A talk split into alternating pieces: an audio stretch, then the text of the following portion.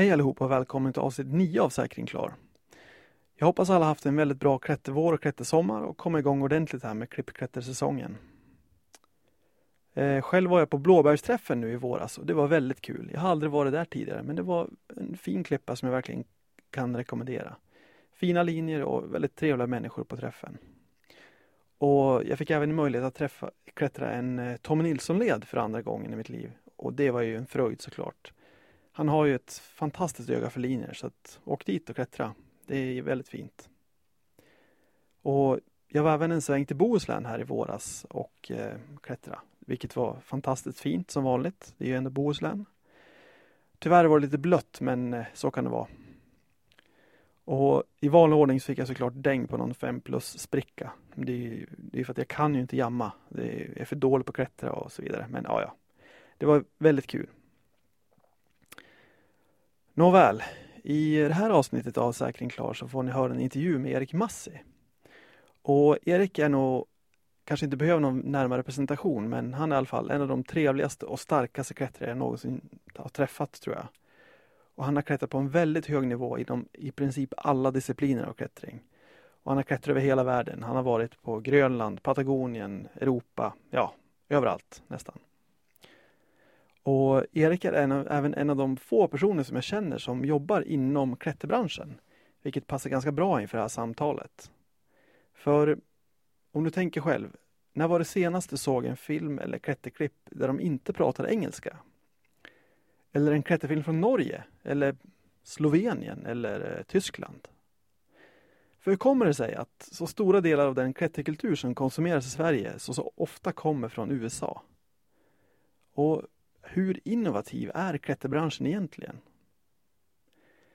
Så i mitt samtal med Erik så pratade vi om både det ena och det andra och det blev ett långt samtal om ja, klättring också, lite grann. så varsågoda, här kommer det. Erik Massi. Guilty pleasure. Jag vet inte om jag, om det är särskilt guilty. Jag tycker om choklad. Ja, men vem gör inte det? Så. Och Nu spelar jag in, så nu får du... nu får jag inte smaska. Jo, det får tänker- Ja, ja.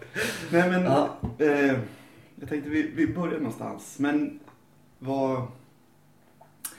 För jag skrev ju till dig här i förrgår då det var om, Mm. om det här och föreslog att och då skrev jag då att vi kan ju prata om den amerikanska klätterkulturimperialismen. Ja, Men det var ju, det var ju lite tillspetsat från min sida. Det var Just lite, jag ville bara... fast det är ändå något som, eh, som jag liksom, som man ser om man funderar på det. Och det, är som, det är inte bara, eh, det handlar inte om, om amerikansk klätterkulturimperialism nödvändigtvis. Utan eh, kanske snarare eh, corporate klätterkulturimperialism. För företagen har ju liksom tagit över makten lite. Det, det handlar inte liksom, och sen så råkar de stora företagen som, som vi blir bombarderade av, eller liksom mediamässigt, de är ju amerikanska.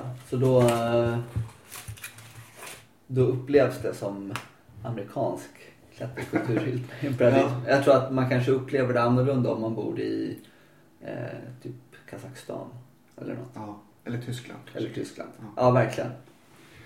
Ja, för jag, jag kommer tänka på det faktiskt när jag, när jag liksom reflekterat själv över det att det är ju en extrem, eller kanske inte extrem, men i Sverige vi är ju så till, till eh, alltså vi har köpt den amerikanska kulturen Mm. jättemycket och även den klätterkulturen väldigt Mm. mycket. Det är ju liksom, vi bombarderas med amerikanska klätterfilmer till exempel. Det tar ju Ja. slut. Och det är ju väl dels för att de producerar mycket. Det finns liksom en... Eh, en eh, liksom, det finns mycket...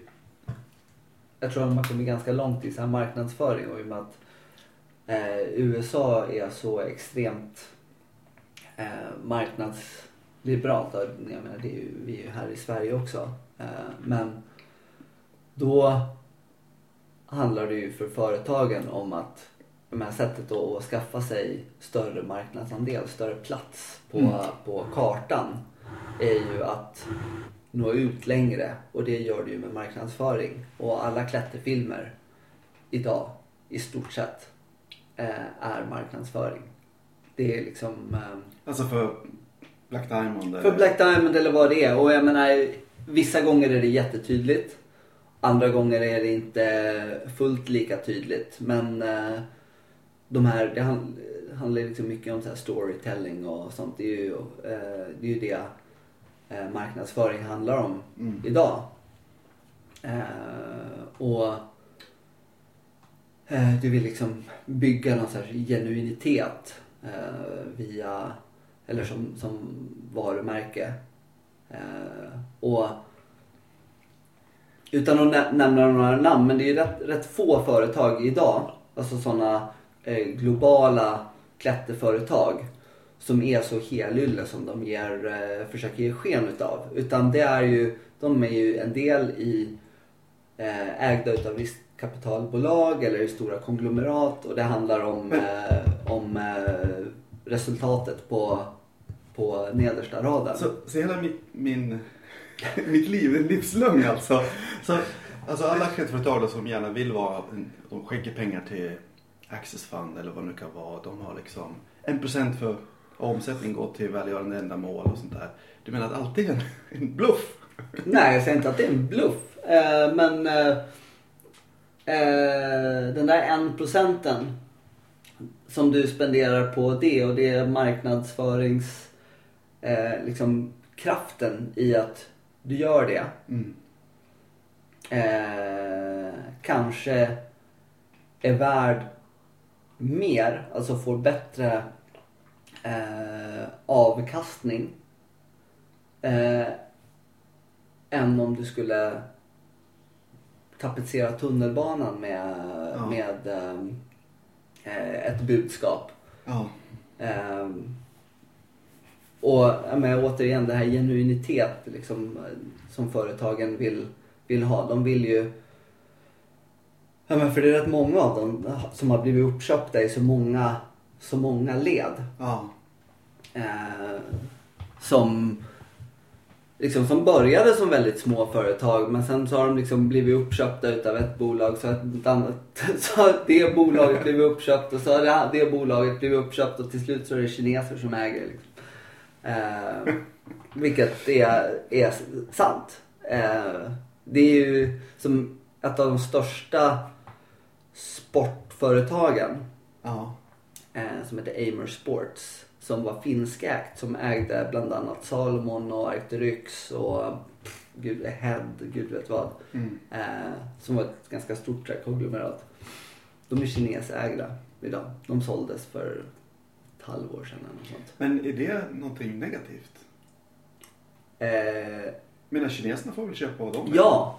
Eh, det, det är inte det. Jag, säger, jag har ingenting emot. Jag säger inte det. Men det jag menar är att de som äger bolaget. Ja. De bryr sig om avkastningen och ingenting annat. Okej. Det är bara... Eh, jag tror inte att det är så många som bryr sig om vad bolaget faktiskt gör. Om, det om bolaget är lönsamt, då är det bra att ha i portföljen. Om bolaget inte är lönsamt, då är det inte, inte så bra att ha i portföljen. Och då säljer man det vidare till någon annan som tror att eh, eh det kan vara, de kan göra det lönsamt. Ja. Så den här, den här gröna eh, utåtriktade eh, bilden som många friluftsföretag och klätterföretag vill, vill gärna visa då. Det handlar kanske mer då om, om marknadsföring främst. Ja, det tror jag dessvärre. Alltså, jag tror... Det finns alltså Jag, ma, återigen, det går aldrig att vara så svartvit. För att Mm. jag tror att det ligger både och. Och det kanske inte kommer direktiv uppifrån liksom, ägar, liksom ner genom hela så här, ägarkedjan. Att, eh, så här, eh, ja, men ni måste ju marknadsföra er så här så att, eh, vi kan, eh, så att ni kan växa. Utan de ser ju att den här strategin som det här företaget har, det eh, ger, eh, ger en avkastning. därför är det företaget eh, lönsamt och därför vill man äga det. Ja. Och jag tror att väldigt många för liksom eh, varumärken eller vad man ska säga. Eh, de har väl liksom ett genuint eh, intresse i det. Mm. Men jag är inte... Det, är liksom, det går lite båda vägarna. Eh, skulle jag vilja påstå. Mm. Jag menar att, eh, om, säg att, en, att du är en konsument som står, vid, som står och ska välja välja Gore-Tex-jacka eller t-shirt eller vad vi ska göra. Och så är den ena liksom eh, det ena företaget är förknippat med eh, med miljöengagemang och det andra är förknippat med vapenexport. Så, så tror jag liksom en ganska stor del utav liksom frilufts eh, och klättercommunityn skulle ju då välja den, den jackan som, Med vapen, försäljning. ja kanske inte. Nej men med miljöengagemang. Ja. Ja. Ja men det tror jag också. För jag tror att det finns ett genuint engagemang för miljö och planet och hållbarhet. Och att man liksom ska lämna över en planet till nästa generation som är ja, som är okej liksom. Mm.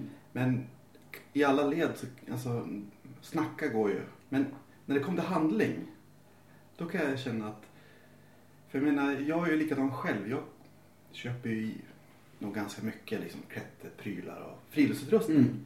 För sig köper jag ju nästan bara begagnat nu för tiden. Mm. För jag tycker att man köper nytt, det är liksom...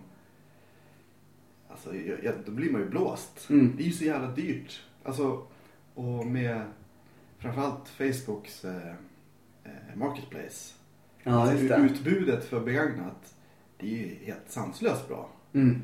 Jag menar, jag har köpt, senaste åren, jag har köpt, vad ska vi säga, ett rep, två, två selar, jag tror fem par storskor. Alltså jag har köpt och bytt och sålt vidare. Ja. Så gör lite business av det. Liksom. Ah, Köp, köper, köper storskor billigt och kränger dem dyrt. Renoverar upp dem och säljer dem dyrt. Kapitalist. Nej, det är snarare så att jag köpt och så har de liksom inte passat exakt Nej, just det. Nej. Och så har jag gett, gett dem till någon kompis. bara. Ja. Nej men för Marketplace och alla de här Blocket och allt vad det är. Alltså jag har ju köpt, det, det bästa jag har köpt det har ju varit liksom nyskick. Till liksom halva priset eller mindre. Mm. Och jag har köpt eh, skidor, eh, flera på stegjärn, isyxor, eh, skidpjäxor, liksom hur mycket som helst. Mm. Det känns som att i, Sver- i Sverige finns det ingen sån här jättestor marknad av att köpa begagnat. Alltså det finns ingen sån kultur riktigt. Kanske inte. Så, men, och det innebär, då kan man göra sådana här klippen för det, det är som inte så stor efterfrågan. Nej, just det. Det är ju bra för mig. Men jag tror också att det, det är lite så här, vi, eh, de flesta svenskar, liksom, svenska medelklassen har det helt, liksom, helt sjukt bra. Ja, Alltså liksom ur ett eh, globalt perspektiv eller till och med liksom europeiskt perspektiv. ja, Eh, så har vi det ju liksom extremt bra. Och eh, alltså liksom ekonomiskt och materiellt.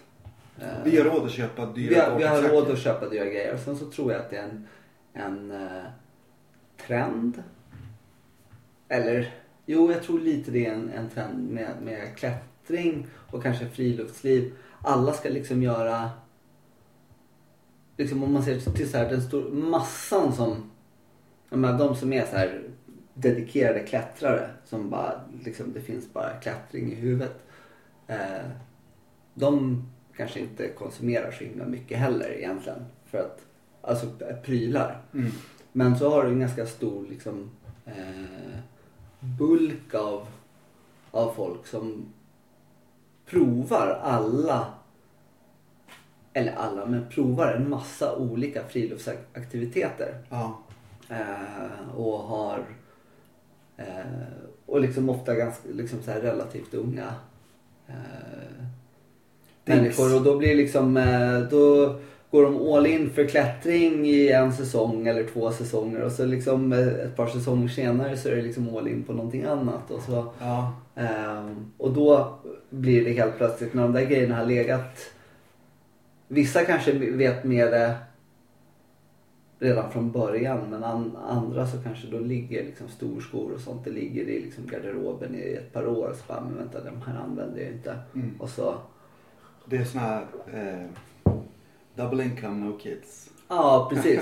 Sen så är det väl också det, och det är också lite så här hur, eh, hur marknadsföringen funkar. För produktutvecklingen går ju ganska fort. Mm. Eh, I alla fall på ytan. Eh, till synes går den fort. Ja, men vi- det är klart att det har varit så här, vissa, eh, vissa genombrott. Eh, som på isyxor till exempel. Mm. Eh, nu är det ju några, men liksom hur, när, när eh, yxorna för att klättra utan handlovsremmar började dyka upp. Det var ju liksom, det var ju lite ett, ett, så här, ett genombrott i hur man klättrade i så gjorde isklättring faktiskt mycket roligare. Ja, det är ju... liksom. Det, skulle jag kalla en revolution. Ja, exakt. Ja. Liksom, jag fattar inte ens att man, att man höll på. Liksom. Nej, nej. Alltså jag, jag. Jag kommer ihåg första gången jag klättrade is. Då hade jag någon så här raka stubai. Ja, Det var ju, det var ju, alltså, det var ju tortyr. ja, Det var verkligen tortyr. För, ja, vet, man slog ju sönder knogarna först. ja. Sen var det iskallt. Ja. Man höll i metallen. Och hade en rem som ströp av allt blod. Ja, det var ju värdelöst. Ja. Eh, Men, Men eh, förutom de där liksom faktiska liksom revolutionerna eller liksom genombrotten där, eh, eh, där utrustningen faktiskt har blivit på riktigt bättre och gjort klättringen gjort verkligen gjort klättringen lättare. ja. Eh, så, och kanske också roligare vilket har lett till att liksom standarder har kunnat öka markant också. Som liksom hela, hela den här liksom typ sport dry tooling. Mm. Eh, det hade ju liksom inte riktigt gått. Det hade liksom aldrig skett tror jag. Om det inte hade varit för eh, att man började klättra utan handlovsremmar. Mm. Eh, men det att produk- i öv- liksom förutom de här verkliga förändringarna Mm. så tror jag att det har varit, eller så tycker jag att det är väldigt mycket som bara ser ut som en, eller man, man vill få det att framstå som, som eh, något nytt revolutionerande. Och det handlar ju också hela tiden om att här, kapa åt sig marknadsandelar. Eh, och eh, Som när du har, liksom, jag vet inte hur många klätterskomärken det finns i Europa, 20 någonting. Ja. Eh, säkert mer. Så ska du liksom, alla vill ha, det är samma kaka som alla vill ha. Och så ska du liksom ta, ta utav den. Då måste du ju få dina nya produkter att verka liksom lite mer attraktiva. Och sälja in dem med, en, med ett löfte om att du ska kunna Mm. klättra bättre. Men det är liksom som... Eh, jag ska inte säga att det riktigt är så men eh, jag brukar tänka på så här. Eh, man kan inte riktigt eh, skylla på simbyxorna om man inte kan simma. Liksom. Ba- Baddräkten om, det, om man inte kan simma. Men Eh, så får man det att eller man vill att det ska eller det, det produkterna utvecklas hela tiden och det gör att produkter som är ett par år gamla känns eller kan kännas väldigt gammalmodiga. Ja. Eh, fastän det, det är inget fel på dem men de bara känns daterade för att eh, för att det finns någonting som är mycket, mycket fräschare. Det är som med, med telefoner. Antingen så går de sönder eller så eh, så måste du liksom utveckla dem så att konsumenten känner att den här två år gamla telefonen som egentligen funkar alldeles förträffligt eh, den, den är ju liksom antik. Mm. Och då måste du göra dig av med den för du kan inte ha en iPhone 8 när det finns en iPhone jag vet inte vad det finns för sorts iPhone. Nej, inte jag heller. Jag vet att det finns en 8 men det kanske är länge sedan. Ja. Eh, Men, men om man då ska försöka sammanfatta det här äh, långa resonemanget. Det är att ja, men, klätter och friluftsbranschen. Den är som alla andra branscher. Det vill få kunden att köpa saker som den kanske egentligen inte behöver. mm, absolut. Är... Trots, trots den här auran av hållbarhet och eh, vara snäll med planeten och allt det där. Ja, jag tror absolut att det är så. Det är ingen, eh, ingen skillnad. Vi går bara omkring med en, liksom en gloria som vi har satt på oss själva. känner oss som... liksom- Känner oss lite bättre alla Ja, men precis. Och så... Nej, men jag tror absolut, liksom absolut att det är så. När det är samma... Det är liksom samma mekanismer. Det är liksom kapitalismen som styr, styr det. Det är väldigt få bolag. De finns. Eh, men det är väldigt få bolag som... Eh, de kanske leder vägen men sen så måste alla andra hoppa på eftersom att våran bransch eller liksom våran eh, liksom klätter och friluftskonsumenten Mm. eh, de bryr sig om miljön. Då måste alla eh, Ja, just det. Man kan inte... alla, du kan inte liksom eh, eh, marknadsföra dig själv som ett friluftsföretag som ger fan. Mm. Du måste ha en, en utåt sett en grön profil. Ja, absolut. Det är tyvärr eh, så. Och så tror jag att det varierar hur, hur genuin den är. Det varierar längs hela skalan liksom. Ja, just det. Men, eh, alltså jag, jag, jag tycker att, jag, det är som du sa, det är aldrig svart och vitt. Eller sällan är det. Det är sällan det är svart och vitt. Nej. Alltså jag kan ju, jag, jag köper ju det på ett sätt. Det är liksom, det här är marknadsekonomi. Mm. Och det har vi ju, de allra flesta vill ju ha det så. Mer eller mindre. Eller? Kanske. För det var, Vill vi det?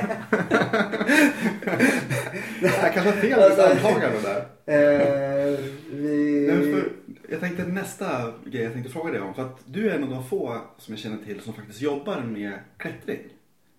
Det gör du Ja, jobbar med, med... Jobbar inte med klättring egentligen. Jag klättrar och så jobbar jag med klätter... Eh, Relaterat. eh, klätter... Eh, utrustning. Okej. För jag kommer ihåg när jag träffade dig. Eller jag för, gör allt möjligt. Men... Ja, men för ett par år sedan. Då, för då jobbade du med... Vad var det då? Du höll på med 510. Ja, det gör jag fortfarande. Ah.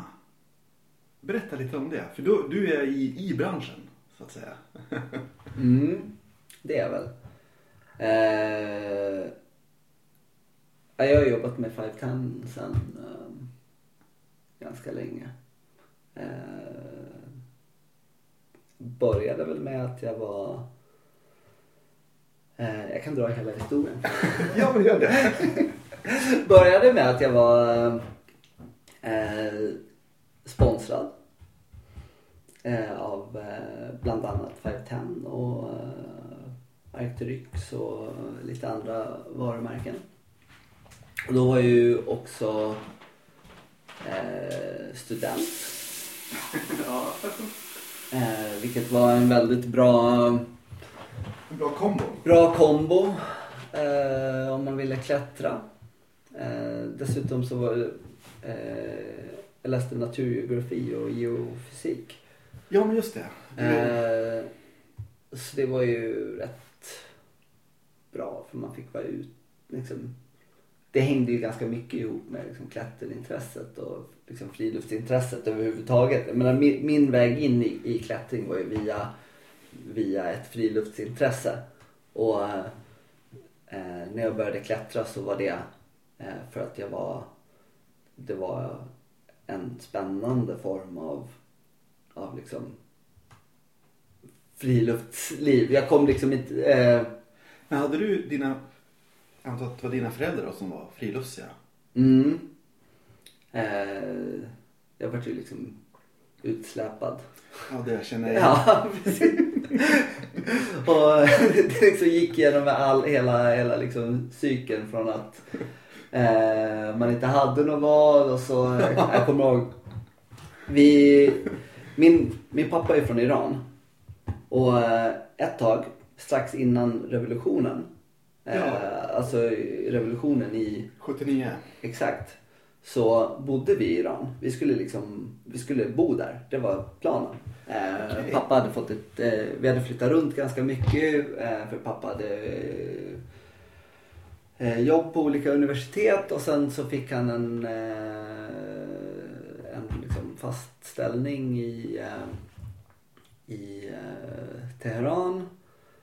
Och då skulle vi, liksom, vi skulle flytta dit, vi skulle bo där. Eh, mamma som är från Åland eh, tyckte ju att det var eh, att det var spännande och liksom eh, eh, så vi eh, så vi bodde där i några år. Och Teheran är omgivet av berg. Ja. Och pappa släpar med mig varje helg på tur i bergen. Alltså vi vandrade. Ja. Och jag tycker jag kommer ihåg, alltså pappa har sagt att det inte var så. Eller pappa och mamma har sagt att det inte var så. Jag kommer ihåg de gångerna när jag grät för att jag inte ville följa med. och liksom satt hulkandes i bilen. Liksom. Oj. Eh, och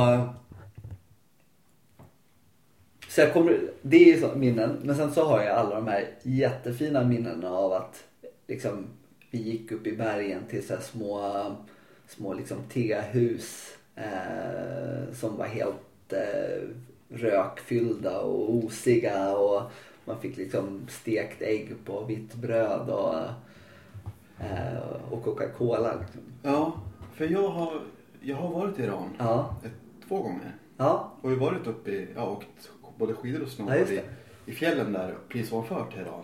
Det är ju otroligt fint Ja. alltså. Och vilken utsikt det är. Mm. Så det är ju liksom de här, jag har ju de, eh, även fast jag har de här liksom ganska starka minnena av att jag, jag liksom grät när pappa tvingade mig att följa med ut och vandra.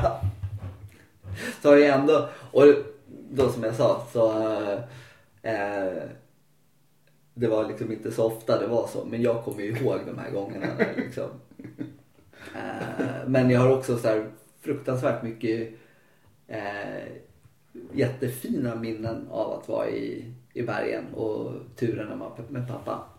Mm. Eh, så det var väl en sak och sen så eh, så där kanske lite utav eh, liksom, liksom det att tycka om att vara i fjällen faktiskt. Mm. Eh, liksom i bergsmiljöer eh, överhuvudtaget. Eh, det kanske var där det föddes, det vet jag inte. Och sen så var vi rätt ofta på tur i Norge på somrarna och vandrade och jag fiskade väldigt mycket. Och sen så, eftersom att mamma är från Åland så har vi ställe på Åland. Eh, så jag liksom, när jag gick i skolan så åkte vi till, mamma packade bilen medan jag var på skolavslutning och så hoppade vi in i bilen och så åkte vi.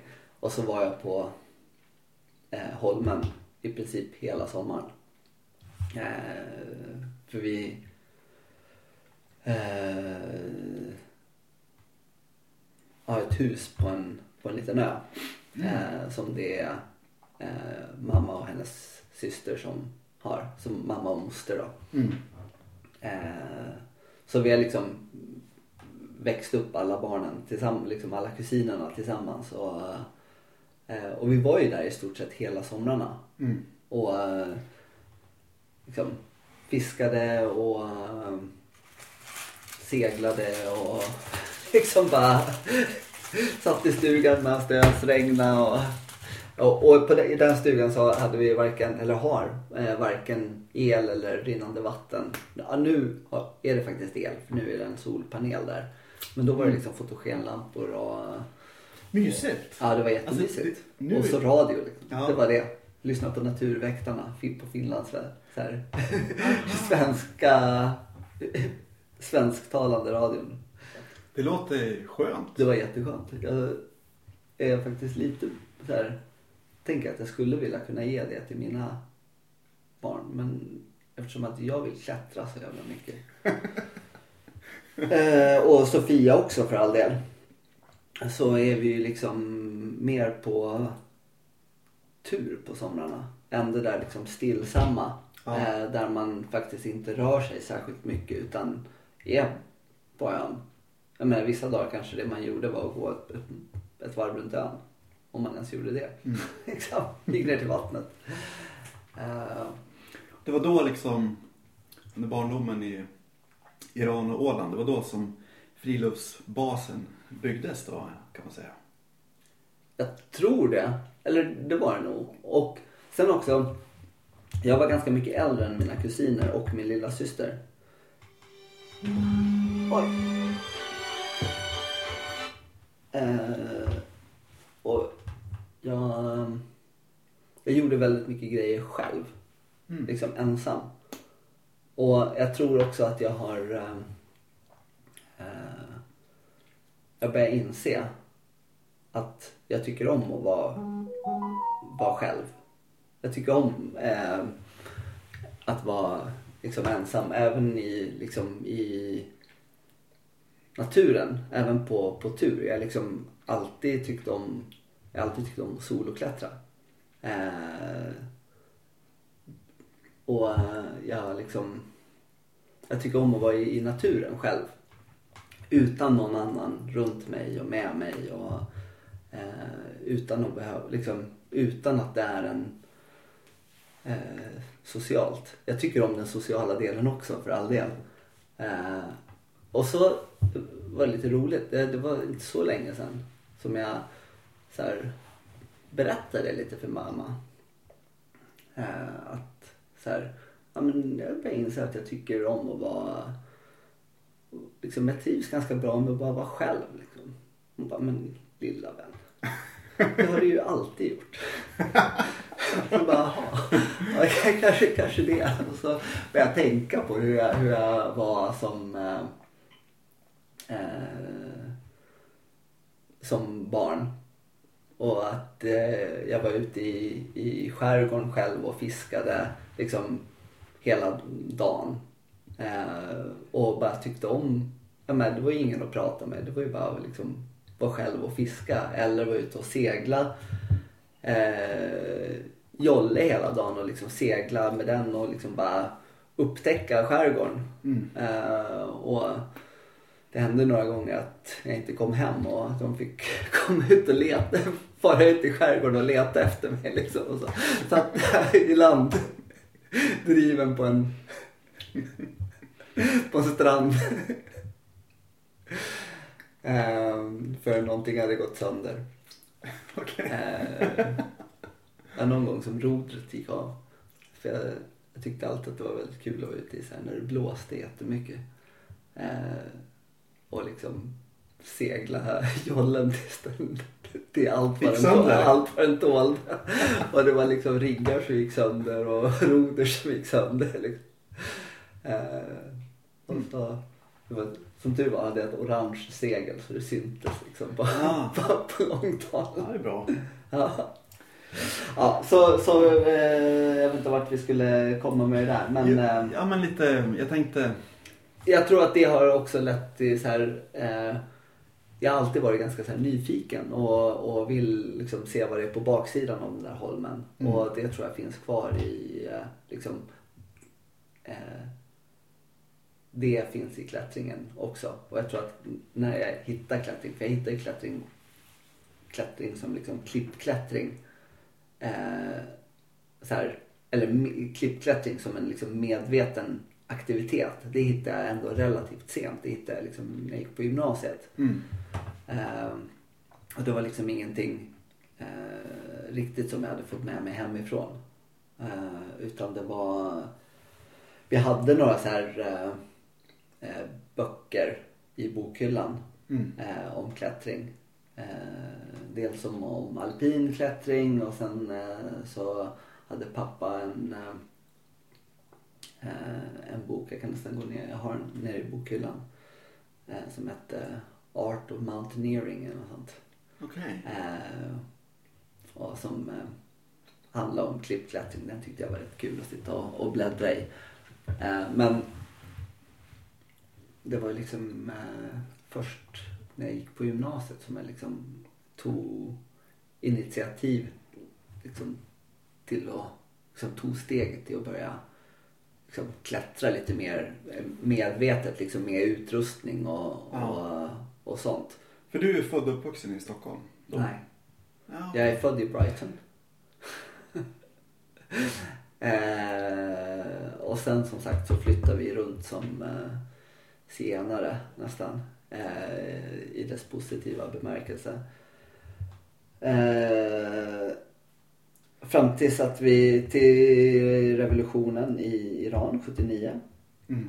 Eh, då flyttade vi hem på ganska så här, eh, kort notis. Eller flyttade hem för mam, eh, mina morföräldrar bodde i Stockholm. Så vi flyttade till Stockholm.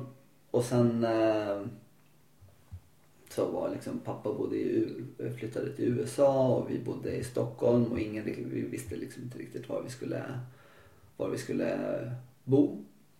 Eh, liksom var familjen skulle bo. Ja. Och sen eh, fick pappa jobb på ASEA i Västerås. Ah, alltså ASEA... ABB, ABB. precis. Mm. Mm.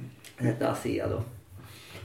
Eh, och eh, så eh, flyttade vi till Västerås. Och det var ju inte direkt eh, ett eh, fjäll, eh, en fjällmiljö. Utan tvärtom. Ja. Eh, och det var där jag började klättra. Så att jag började... När jag började klättra så började jag bouldra. Eh, och jag lekte, alltså som även liksom som typ så här gymnasie... typ. Men det var också där, jag tyckte samma sak. Jag klättrade själv så mycket. Jag hade några som jag eh, liksom, klasskompisar som hakade på på samma eh, liksom, tåg. Mm. Men jag ville ju klättra mycket mer så jag klättrade ju och då typ lek, liksom, ja jag typ lekte att jag klättrade. Eh, på riktigt. För jag drömde liksom om, eh, om eh, liksom de stora, stora, stora klippor. Men det är ju, jag har tänkt på det ibland faktiskt att när man är på mindre klippor i Stockholm så här Ja, och man klättrar så här. Det är liksom, det är nästan som live ibland tänker jag. så här, man, man låtsas att det är på riktigt fast det är Ja. en väldigt liten klippa. Alltså, Ja. Man drömmer att ja, jag önskar att det var ett stort fjäll. Ja. Men det är ju bara liksom en liten 30 meters. ja, ja 30, är, är det en liten 30 meters klippa i Stockholm då är man ju... Ja, Stockholms högsta. ja, precis. eh, ja, ja, kanske. Eh, så jag, både liksom fri, friboldrade eller liksom eh, klättrade. Mm. Eh, alltså friklättrade. Eh, och ja, men det var ju innan det fanns, eller det fanns väl, men det var innan jag hade paddor, liksom crashpads och sånt. Så det var ju liksom gränsen mellan vad som var soloklättring och, och bouldering var ju liksom, det är den ju fortfarande, liksom Ja, väldigt ja. flytande. Det handl- eh, och eh, jag hade fördelen att ha ett litet boulderområde eh, precis bakom huset. En massa eh, flyttblock som låg eh, precis alltså, tre minuters promenad hemifrån. Från mina. Mm. Eh, så eh, där var jag uppe och eh, klättrade och, letade runt i, i skogarna runt Västerås. Och så aid-bouldrade jag ganska mycket också. Eh, särskilt på, Bouldrade? ja, på vintern. Aha, vad... Eh, för då upptäckte jag att det var för kallt och så eh, skaffade jag, hade jag eh, hade skaffat lite, så här, lite kilar och eh, några småkammar för det var liksom de billigaste. Eh, och så skaffade jag någon, eh, någon skyhook. eh, och det där höll jag på med och liksom eh, klättrade i eh, bara så här, eh, inte ens riktiga stegar, alltså aidstegar utan bara slingor liksom. Mm. Eh, som jag knöt. Och tog mig upp. Liksom. Som liksom solade utan rep fast ejdade mig upp för eh, och ejdade traverser och du vet, allt, bara allt där jag kunde liksom hitta säkringar och, och ta mig från en plats till en annan. Liksom. Mm. Eh, och det var liksom bara något som jag gjorde själv för att jag tyckte att det var kul. Mm. Eh, och eh, det var också så jag lärde mig att, att placera säkringar överhuvudtaget. Liksom. För att sen eh, när jag liksom började klättra, liksom, eh, jag tror att jag lärde mig väldigt mycket av det Ja. Eh, helt enkelt. ja men exakt. Jag, jag tänker samma sak att om man ska börja med kilklättring. Mm. Då ska man ju börja med Eida. På backen. Ja. Hänga i kilarna och Ja. kammarna. Och liksom testa. För att Ja, känna sig för liksom. För att eh, hur många har inte liksom de ska börja leda och så kommer de fem meter upp och så står de och, och pillar Och med fipplar, ja, kilarna precis. i en halvtimme. Liksom, Ja. Minst. Och så nervös för de vet inte, kommer det sitta? Nej. Så här, de har som inte testat det liksom. Nej, precis.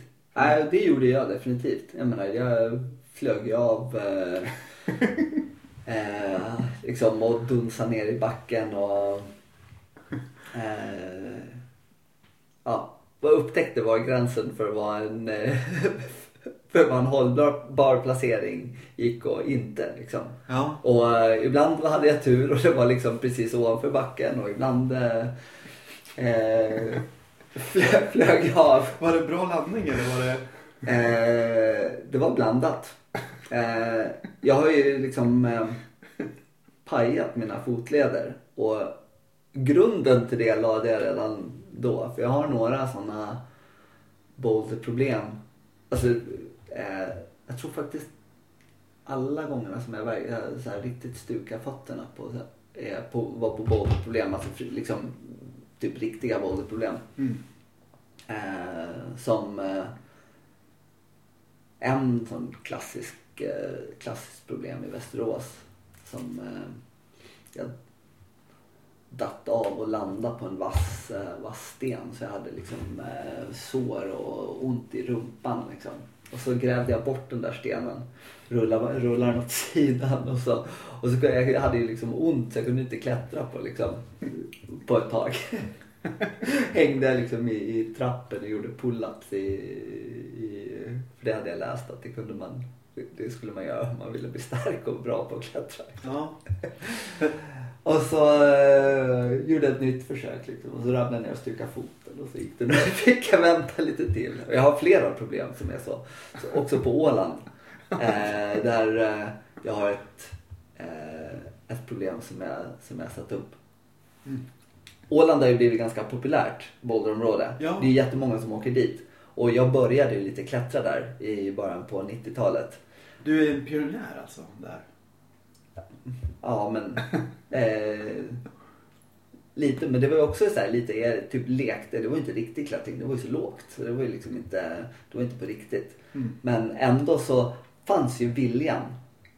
Jag ville ju liksom komma upp för olika saker. Mm. Liksom, och det här var ju liksom en ganska brant eh, eh, liksom med, ett- med som ett framförallt med dynor rätt högt och den stukade jag fötterna för det var bara som rötter under. Och jag hade ju ingen pad. Inte, första gången hade jag ingen pad. Nästa gång så hade jag ett liggunderlag som jag hade lagt ut så att det skulle släta ut de där rötterna lite. för jag, och jag stukade fötterna, eller fot, eh, foten två gånger på det. Eh, för det var typ det här var jättetidigt i min karriär. Det var typ första gången jag riktigt dynade. Och Mm. det var liksom där uppe. Jag insåg att jag måste hoppa till det där greppet om jag ska, ska kunna ta det. Ja. Och så, hoppade jag, missade, ramlade av, stukade foten. Kunde inte klättra kunde på ett tag. Åkte ut. Och så eh, ramlade av igen liksom ner de där rötterna. Eh, och kunde inte klättra på ett tag. Och så går, alltså jag, det är så här en sån känsla som jag har kvar i mig. Den gången jag tog den där dynon. Eh, och inte ramla ner i eh, eh, ramlade ner i rötterna och kunde liksom eh, klättra. Alltså det, den där ruschen som gick igenom kroppen liksom när jag hängde kvar och liksom fötterna pendlade ut och, och alltså det är typ så här kanske 6B problem, 6A liksom. Eh, jag vet inte ens vad den har för grad idag.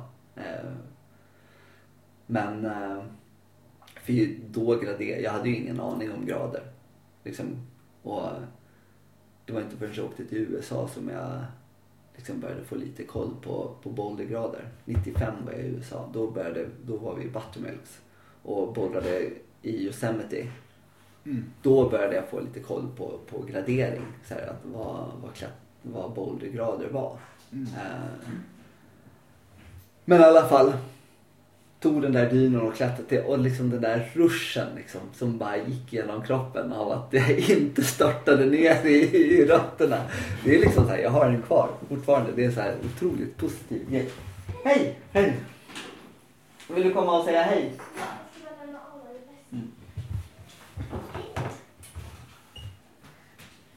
Hej! Det här är Kai. Det här är Hilde. Kaj. Hej! Gick det bra? Mm. Mm. Nu är det sommarlov. Ja, det är skönt. Skönt. Ja, skolavslutning idag. Ja. Ah, skönt. Bra. Blev Anna glad för sitt brev? Läste hon det?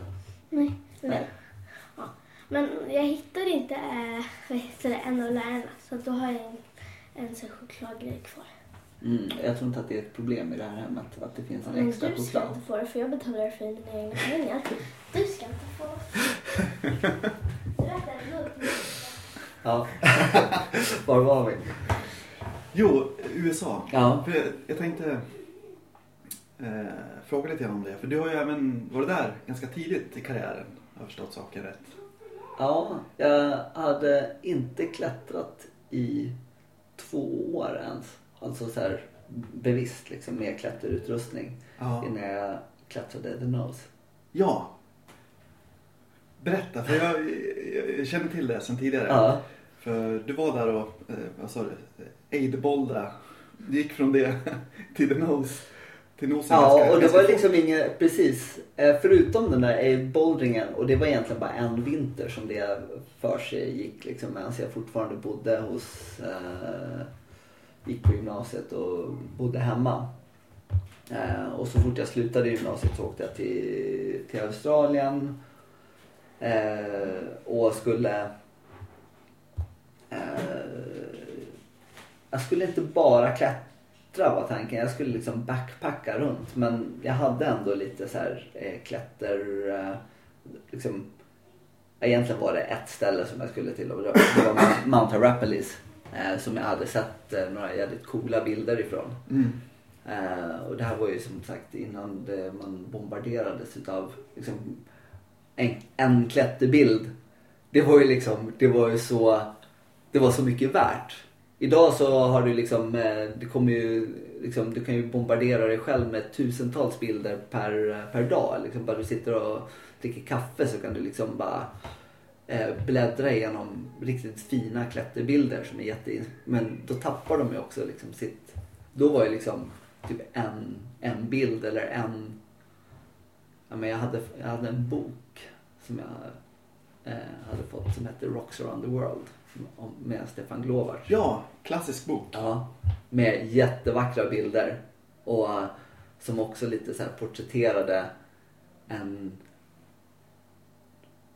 livsstil som var väldigt annorlunda från det jag ändå växte upp i. Även om liksom, som sagt, friluftsliv och sånt. Men eh, liksom det att gå i, i skola i Västerås där alla spelar hockey och liksom, eh, eller fotboll liksom. Och jag passade ju liksom aldrig riktigt in i det där.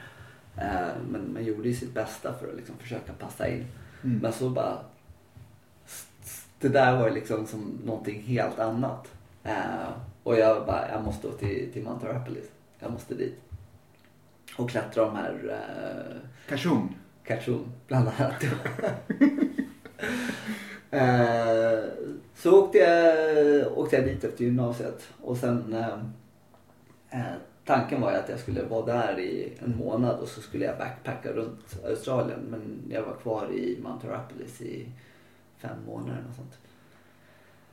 Eh, och eh, lärde mig att klättra. Alltså liksom fullt ut. Mm. Eh, jag hade ju liksom lärt mig grunderna eh, hemma. Dels själv och så hade jag en mentor, Stefan Lindblom, Ja. eh, som alltså han var väl, det var liksom väldigt eh, bra. Att det, för det fanns ju inte sådär jättemånga klättrare i Västerås. Det fanns ju en liten klättermiljö i Västerås, definitivt. ja. Men det fanns ju inte jättemånga. Mm. Eh, och Stefan var ju väldigt motiverad. Eh, och det är liksom på ett sätt nu också. Ja. Eh, liksom engagerad och motiverad. Sådär.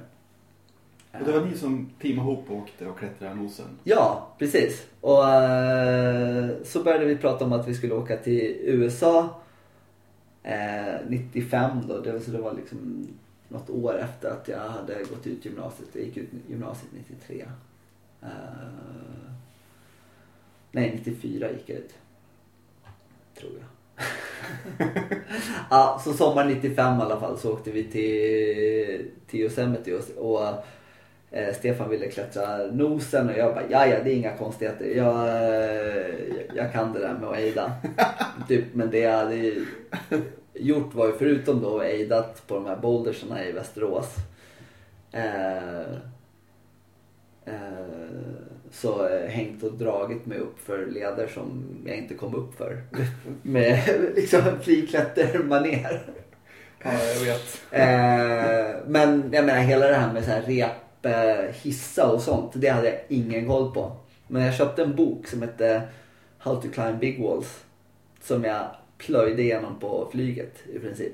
Den var ju, det var ju John Long som hade skrivit den. Så den var ju liksom lättläst. Och så bara satt jag och så memorerade. Bara okej.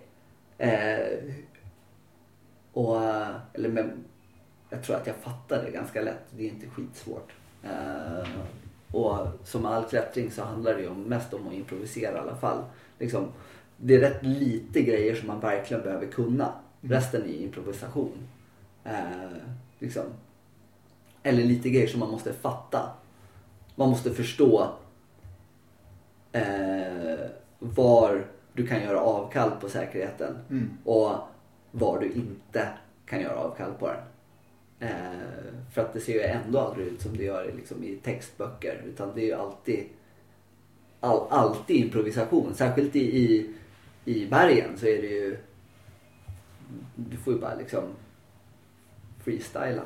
Ja. Helt och hållet. Bara man liksom, det, är- det är ju rätt lite grejer som sagt som man... Eh, som man inte får göra avkall på. Mm. Eh, och då kanske du också måste göra avkall på ibland. Mm. Eh, i, Ja, men- liksom i skarpt läge. Eller vad ska säga. Ja men exakt. Ja, men den, det finns ju ett talesätt. Den bästa alpinisten är den som är mest påhittig. Den bästa. Bästa alpinisten är den som är Ja, just det. mest påhittig. Ja, det kanske det bäst stämmer på, lite. Bäst på improvisera. Ja. Eh, och, eh, men i alla fall, eh, jag plöjde igenom den här eh, boken och eh, eh, så kom vi till Yosemite och så klättrade vi The Nose. Och så var det... Det låter så enkelt. ja, det, ja, men det var ju, jag tror att många pratar om så här och, och eh, pratar om inveckling och utveckling. Ja. Eh, jag tror nu när, eller utan att vara dogmatisk och säga att det är så här eller på det ena eller andra sättet. Men jag tror kanske att det är en större tendens idag när klättring är så lättillgängligt. så blir liksom steget från att börja klättra, vilket är att börja klättra är extremt lätt. Alltså Ja. du kan ju du bara kolla på din telefon klätterkurs eller klättergym, klättring. Eh, och så drar du till eh, något av klättergymmen i, i stan. Särskilt bor du liksom i någon av storstäderna så finns det ju klättergym. Eh, och det finns klätterklubbar, några hemsidor. Så det är liksom lätt att komma i kontakt med. Det är lätt att hitta klättrare. Mm. Eh, och hitta liksom hur man ska börja. Och börjar du klättra på ett klättergym så är liksom tröskeln, den, det är ju i princip ingen tröskel. Det är liksom att du ska eh, våga gå av på en annan tunnelbanestation än vad du har gjort förut. Liksom. Det är inte så, sådär jätte... Eh, eh, och, men sen då liksom den här sträckan från att börja klättra Mm. och sen klättra ute, den är ju liksom jättestor för väldigt många. Det är liksom att träffa folk på klättergymmen som är bara, man ser så här rörelsemässigt så är de så sjukt begåvade.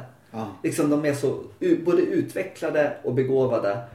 Eh, och så är det så här, åh gud det vore ju kul att testa att klättra ute. Man bara, eh, eller liksom, eller folk som har bouldrat jättemycket och är liksom så här, alltså på riktigt, jag skojar inte, de har liksom, kapa, liksom den styrkemässiga kapaciteten för att klättra 9A. Mm. Och så bara, ja det vore kul att testa och, och klättra, eh, klättra re, leder någon gång. Men det verkar så himla läskigt. Liksom. Eh, medans för när man, jag började klättra så började jag klättra, då var liksom det där läskiga, det var liksom som, eller jag ska inte säga, för jag tyckte, jag väldigt sällan tyckt att det har varit läskigt att klättra. Även så här situationer som jag sen, som liksom har varit ganska håriga. Mm. Eh, och, och liksom farliga. Så jag har rätt sällan tyckt att det har varit läskigt. Då jag tycker kanske mer, det är mer oftare som jag tycker att här, rätt banala saker egentligen är läskiga i klätt, liksom. eh, Men de gånger som det verkligen har varit farligt då har jag liksom blivit eh, superfokuserad och super liksom inte upplevt läskigheten förrän efteråt. Att så här, oh, det där kunde ju ha gått jävligt illa. Eh, Men- ja. Men eh, jag tänkte på det, vi pratade grann om amerikansk klätterkultur och imperialism tidigare. Ja. Eh, och nu när vi ändå är inne på Yosemite också. Mm. Så har ju du, eh, du har ju klättrat en del med eh, lite så här världskändisar. Mm. För jag tänker framförallt då på, för du klättrar väl med Ian Parnell en sväng Mm. i Yosemite? Ja. Vi... Den, han, ja, han är engelsk klättrare. Ja, just det. Eh, hur kom det sig att vi teamade ihop? Jo. Eh, 98. Så, första gången jag var i Yosemite var 95. Och då eh, eh, var vi där mitt i sommaren. Men vi klättrade The Nose och... Jag kommer inte ihåg. vad- Jag kom, ja, jag klättrade något annat också. Eh, vad heter den? På Wash, eh, Washington Column. Bredvid Astroman. Så gick det någon sån här lätt basic aid tur. Jag kommer inte ihåg vad den heter. Eh, The Prow. The Prow, exakt. Eh, men sen... Jag fick ju definitivt så här blodad tand av det. Men sen liksom slutet 95, alltså hösten 95 och 96 så sportklättrade jag, eller liksom klippklättrade jag mest. Eh, och sportklättrade ganska mycket. Och 95 så klättrade jag också min första 9 minus, 8A. Ah. Eh, Var det, vad heter den? Eh, vad heter leden? eh, Baretta. Aha, ja, i Örflaten. Ja, Jaha. precis. Ja, det är inte så långt härifrån. Det är inte så långt härifrån. eh, så det var... Eh, och jag klättrade den här eh, Bad Boys samma, eh, samma år. Eh, så jag, liksom, jag var ju ganska fokuserad på... på jag var, jag klätt, liksom klippklättrade ganska mycket och, och eh, jag, det gick ju ganska... Eh, jag blev rätt snabbt... Eh, rätt, på den tiden så var ju 9 minus, det var, då var man ju ganska duktig om man klättrade. Liksom, alltså det är det ju nu också men då var det liksom så här. Det var inte så här jättemånga i Stockholm som klättrade på den, den nivån. Mm. Ehm, och inte i, i Sverige heller för all del. Men även, det är klart att det var massa göteborgare och östersundare och liksom, eh, skåningar som klättrade så svårt och hårdare. Liksom. Men ehm, 95 så var det ju fortfarande liksom lite, ganska nära gränsen av svensk klättring. Liksom. Ja. Eh, Men i alla fall, och så åkte... Men hela tiden så låg jag ju där liksom stora, stora väggar. Det var ju liksom, det var ju det som var fett. Att Ja. vara uppe på en... Eh, eh, så 90... och 97 så åkte jag dit med Rickard Hedman. Eh. Jo, då... Vänta nu. Ja, med Rickard Hedman och Mårten Blixt. Mm. Eh, så först... Så Rickard, Rickard, är inte han Sveriges första 9 minus Jo, det är han. eh, precis. Honom borde du intervjua. Han har nog mycket roliga stories. Eh, men i alla fall. Eh, och eh, vi skulle prova, vi skulle klättra Salaté och testa. Rickard ville friklättra Salaté. Ah. Så vi provade faktiskt eh, liksom Salaté ur ett friklätterperspektiv. Även om vi ejdade oss upp. Men eh, liksom testade ganska mycket eh, eh, mycket liksom testade friklättringen på den också och liksom provade. Eh, jag var ju liksom verkligen inte någon jätteduktig sprickklättrare då så att det gick inte jättebra. Men vi, vi eh, provade i alla fall och lärde mig säkert jävligt mycket eh, på det. Eh, och sen så klättrade vi samma samma vända så klättrade vi men vänta, var det det året? Ja, vi, eller var det året efter? Jo, nej just det. Det var 90, 97, precis. Då klättrade vi Zodiac också. Eh, Mårten Blixt och jag. Eh, och det var ju första riktiga, så här, riktiga aid-turen. Mm. Och som vi dessutom klättrade hammarlöst. Ah, just det. Eh, och det var faktiskt eh, två svenskar som var de första som klättrade Zodiac hammarlöst. Eh, Ludde Hagberg och Christer Jansson. Ah. Eh, Christer som en otroligt begåvad klättrare. Ja, han, ja, han är inte så känd. Nej, Han verkar hålla sig eh, borta. borta. ja, jag tror inte han håller sig borta. Han bara har inget behov av att, eh, av att eh, liksom, han är verkligen en sån, han känns så helt harmonisk med bara klättra för sin egen skull. På riktigt liksom. Det är många, det är, det är lite så här en floskel nästan. Så här, ah, men klättra bara för min egen skull. Men Mm. med Krille känns det verkligen så här, det känns verkligen genuint. Det är liksom, han har inte Mm. behovet av det. Att, det, det där är Ja. intressant också, som du sa att, att det var eh, två svenskar som klättrade Zodiac eh, rent då, först av alla. mm, Det är ju liksom, eh, vad ska man säga, det får man ju aldrig höra nej, i amerikansk klätterhistoria. nej just det. eh, och anledningen till att de gjorde det tror jag var att, men de två eh, och några fler, Jeppe Andersson, alltså Krille och Ludde. Eh, och Jeppe Andersson och Jonas Paulsson och Marco Kupiainen ska vi inte glömma bort. Eh, de höll ju på och ejdade ganska mycket ute på Tyresö framförallt. Eh, och eh, följde väl lite så här en, en aid-tradition från Bidner och Shibadung och eh, som också aidade ute på, på eh, Tyresö. Mm.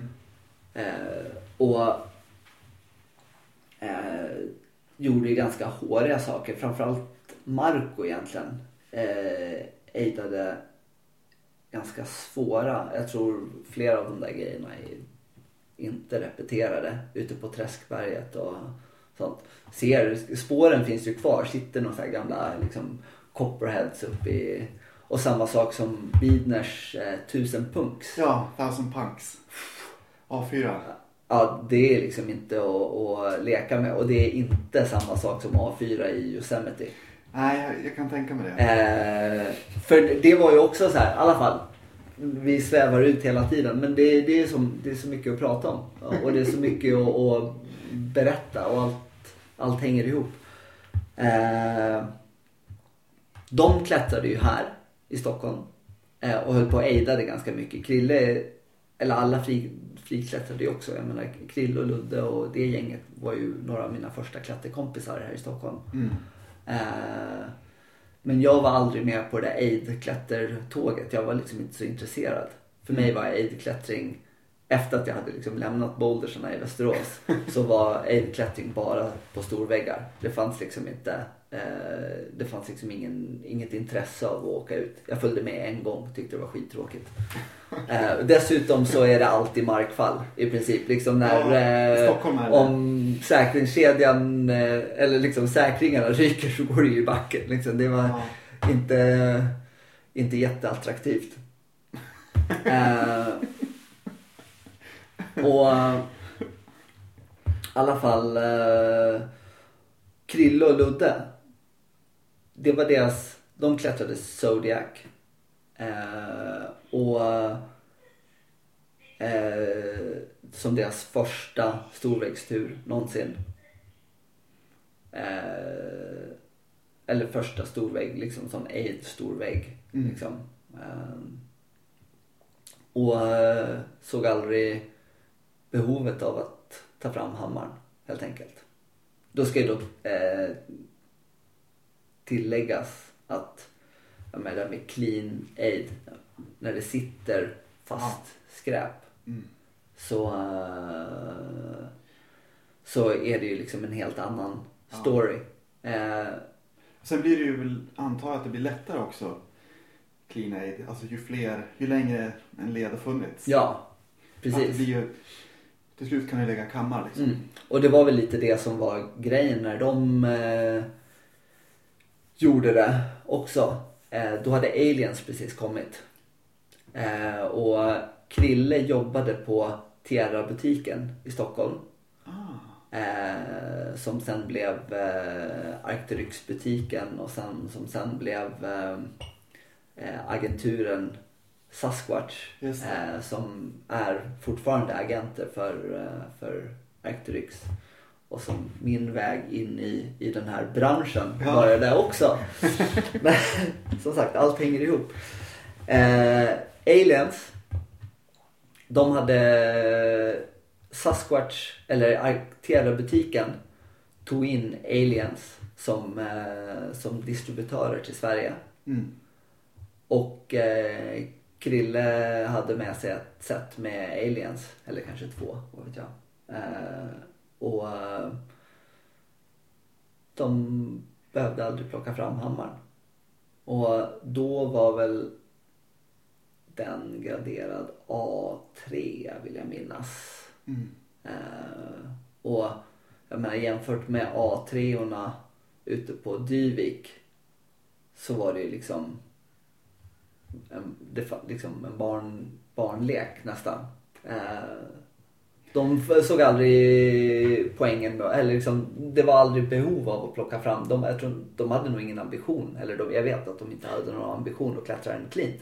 De bara behövde aldrig plocka fram hammaren. Mm. Och lite så var det för oss sen också. Även då fast jag visste, jag visste ju då att Krill och de hade klättrat en klint. Eh, så jag liksom, eh, de gjorde det 95 och vi var där klättrade på hösten 97. Eh, så eh, jag tänkte att ja, men vadå, jag är ingen, jag kan inte, jag är ingen duktig aidklättrare. Så vi får väl, lär väl få hamra. Men det var liksom samma sak, samma sak för oss. Det var som aldrig, det var, fanns aldrig ett behov av att göra det. Eh, och dessutom så hade de eh, rensat leden lite, eh, en del ett Ah, tag innan. Just det. Eh, men det var ändå massa fast. Jag menar, eh, det var ju fasta, allt möjligt fast på den liksom. Men då, ni la alltså bara kammar och kilar? La ni, eller la ni någonting annat? Typ näbbar och och Eh, inga näbbar. Hooks lär vi väl ha använt. Alltså det är ju 20 år sedan. Ja, mer. 22 år sedan. Jag kommer ju knappt ihåg vad jag gjorde igår. Liksom. Bebisen. Nej men. Eh, och så liksom klippte sånt som var fast. Liksom. Ja. Och så är det ju också ehm, eh, en del rivets och, och sånt Mm. på den. Eh, så vi, ja, vi gjorde det 97. Um, det har varit en lång loop här. Having said that. Ja. Så eh, 98 så var jag tillbaks och då hade jag lite fått så här eh, eh, pepp på att klättra, klättra ej. Då ville jag liksom klättra svårare. Jag ville liksom testa. Eh, så Mårten Blixt och jag eh, som är en... Han Är han från- norsk är- eller svensk? Ja, ingen som vet längre. Han är ju från Östersund. Ja. Eller, eller från... Eh, eh, Ross? Nej. Eh, från Jämtland i alla fall. Ja, Jämtland. Typ eh, bakvattnet eller något sånt. Ja, exakt. Just det. Just det. Mm.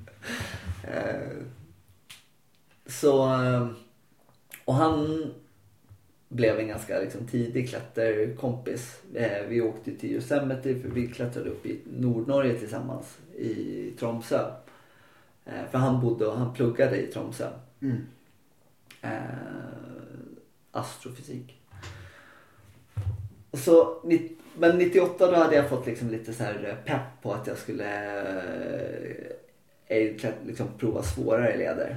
Och jag hade ju liksom läst om så här Aurora och Sea of Dreams och liksom, det var ju så här mytiskt. Mm.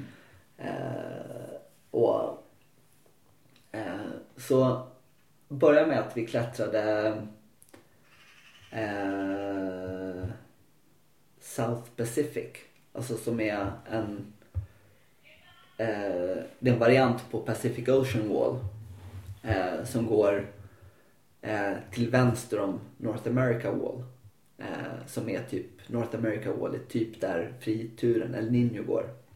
Ja. Så den här går liksom eh, mellan den och, och eh, Dawnwall. Som Just det. också är känd idag. Ja.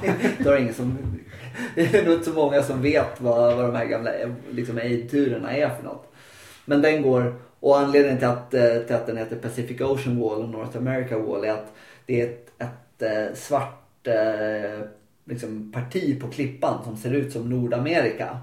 Så om Ah. du tittar på, på El Cap så ser du liksom eh, ett stort liksom, svart parti som täcker i princip hela väggen. Som ser ut som Nordamerika. Och PO Wall, alltså Pacific Ocean Wall, eh, går ju då till, till eh, väster. Om, eh, om, eh, om eh, Amerika. Nordamerika. Mm.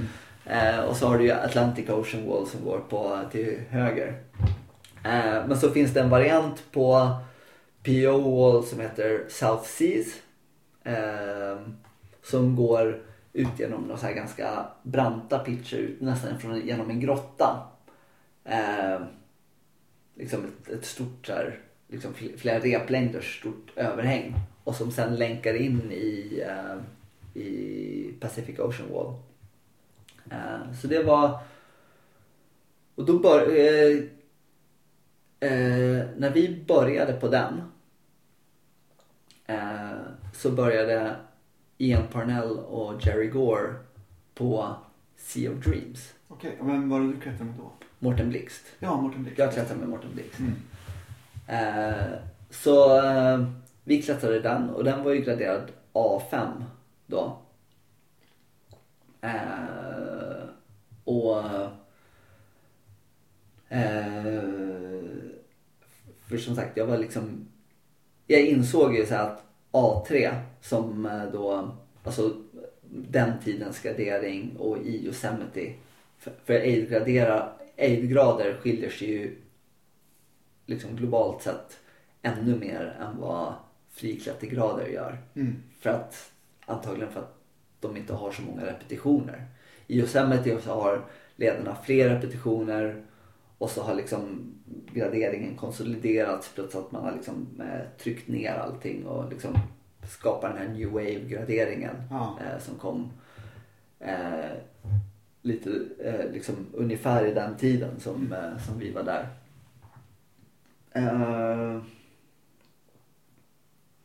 Och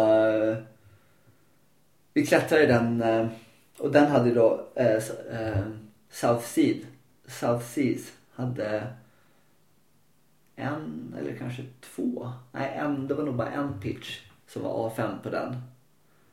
Eh, och vi hade ju då som på, redan på, på eh, eh Zodiac så insåg jag så här, men vadå A3 det var inte så farligt liksom. Eh, det var ju rätt lätt eh, jämfört med vad jag trodde att det skulle vara. Ja. Eh, liksom, jag trodde att man liksom när det var liksom svår skyhooking som det stod i, i faran då skulle det vara liksom att man hookade på flugvingar liksom. eh, för det var ju liksom det eh, när jag höll på så här aid-bouldrade så hängde jag liksom på typ kristaller och bara och här var det liksom, man hängde ju liksom på, hängde på hooken på ett flak. Det var liksom så en aid. Jag trodde liksom att här, A5 då hookar du på de där flugvingarna liksom i. Eh, men så var det ju inte. Och väldigt mycket var fixat. Alltså man till det. antingen att det var liksom utmejslat eller bara att eh, upprepat hookande Ja. hade liksom gjort eh, grepp. Men det var också ganska, ganska många ställen där det var så helt uppenbart att saker har varit chippade. Mm. Eh, typ för aid. För att inte tala om vad en rivet är. Liksom. Eh, men eh, så vi klättrade den och så klättrade och på vägen ner. Ja. Ja, Men jag tänkte på den leden då. På den, vem, klättrade du A5-repan? ja, det var jag som ledde den. Hur, vad är A5? Ja, det vet jag inte. Eftersom att eh, det varierar så mycket. Den var, och den, hela den replängden klättrade jag cleant också. Hamrade ingenting. Klättrade den bara på mässingskilar och eh, några småkammar. Några aliens. Mm. Eh, det var ett sånt, eh, stod att flaket var expanderande och det kanske det var. Eh, men eh, när man inte hamrar utan bara lägger mässingkilar. Mm. Och dessutom då hade jag inte vett att eh, hopptesta saker. Utan jag bara fort liksom eh, gick på och hoppades att det skulle hålla liksom. Och med med liksom den erfarenheten jag hade då var liksom att ja, men det här kommer nog hålla och så gick vidare. Och det, det höll. Ehm, så det var liksom, eh, och när man bara lägger mässingkilar då, eller liksom små kilar så då är, blir ju inte flaken lika expanderande alla gånger. Även om det kanske är lite liksom, expansion i, i flaket. Mm. Så, så är inte, det blir inte samma sak som om du liksom driver in pitonger. Eh, och eh, och på den eh, så jag upplevde inte den som särskilt liksom farlig. Jag var aldrig rädd på, på den pitchen utan det var bara så här metodiskt. Och det var lite det jag gillade då eh, med airklättring. Att det var ett helt annat tempo i klättringen än vad sportklättring var. Liksom, framförallt sportklättring där man blir pumpad. Då handlar det om att liksom bara klättra fort egentligen. Mm. Eh, kan du klättra fort och skippa ett eller två klipp då eh, liksom det förändrar ju liksom nästan en, en grad. Liksom. Om man, Mm. Särskilt som i Stockholm där det är kort och väldigt hårt och många gånger så är liksom klippen är nästan en del utav kruxet. Om man kan liksom skippa ett klipp då har du tjänat jävligt mycket och det kan vara det liksom som eh, liksom att våga skippa ett klipp kan ju vara lika mycket som att eh, göra lika mycket som att bli jättemycket starkare. Liksom. Men eh, så jag var liksom ganska fascinerad av den där, liksom det, eller liksom jag tyckte det var kul med det andra tempot, liksom ett lägre tempo i klättring som var mer liksom så här Eh, bara in i en liten bubbla och pyssla och så även om man så här, klättrar tillsammans med någon så var man liksom i sin egen lilla det var i och för sig alltid när man klättrar nästan. Eh, men så eh, ja, så det var liksom inte så farligt. Jag kommer ihåg att jag så här, klev i land på, på stamplatsen och bara fan precis klättrat A5. Fuck. eh, och det var ju inte så farligt. Det var ju liksom inte ens eh, liksom, det var ingen biggie. Eh, ja, så fortsatte vi eh, och under den här tiden så var det jättedåligt väder. Eh, och eh, eh, Ian och Jerry Gore, Ian Parnell och Jenny Gore, Jerry Gore, de bailade ifrån North America Wall. Eller, eller inte North America Wall. Sea of Dreams var de skulle klättra. Mm. De bailade ifrån den. Och vi, eftersom att det var så brant där vi klättrade, vi var ju liksom i det här stora överhänget. Vi, vi var liksom helt torra. Och jag tror att vi kanske var ensamma på hela El Cap. Eh, för alla andra blev blöta och liksom bailade. Det var liksom en sån storm och vi var helt snustorra. Eh, liksom och bara fortsatte att och klättra uppåt. Eh, och sen så blev ju vädret blev det ju bra eh, någon dag senare. Eh, men det var liksom så här, det var ju vattenfall på vissa ställen. Liksom så, här. så folk liksom retirerade verkligen. eh, men eh, ja just det, Fan, jag tog ju ett så här jättefall också på eh, South, eh, South Pacific. Eh, på en relativt, för mig att det var en relativt lätt replängd. För jag, jag kommer ihåg, jag gick, jag kommer inte ihåg vad det var för grad på den. Det kanske var så här A3 eller något sånt. Eh, som, den var graderad A3.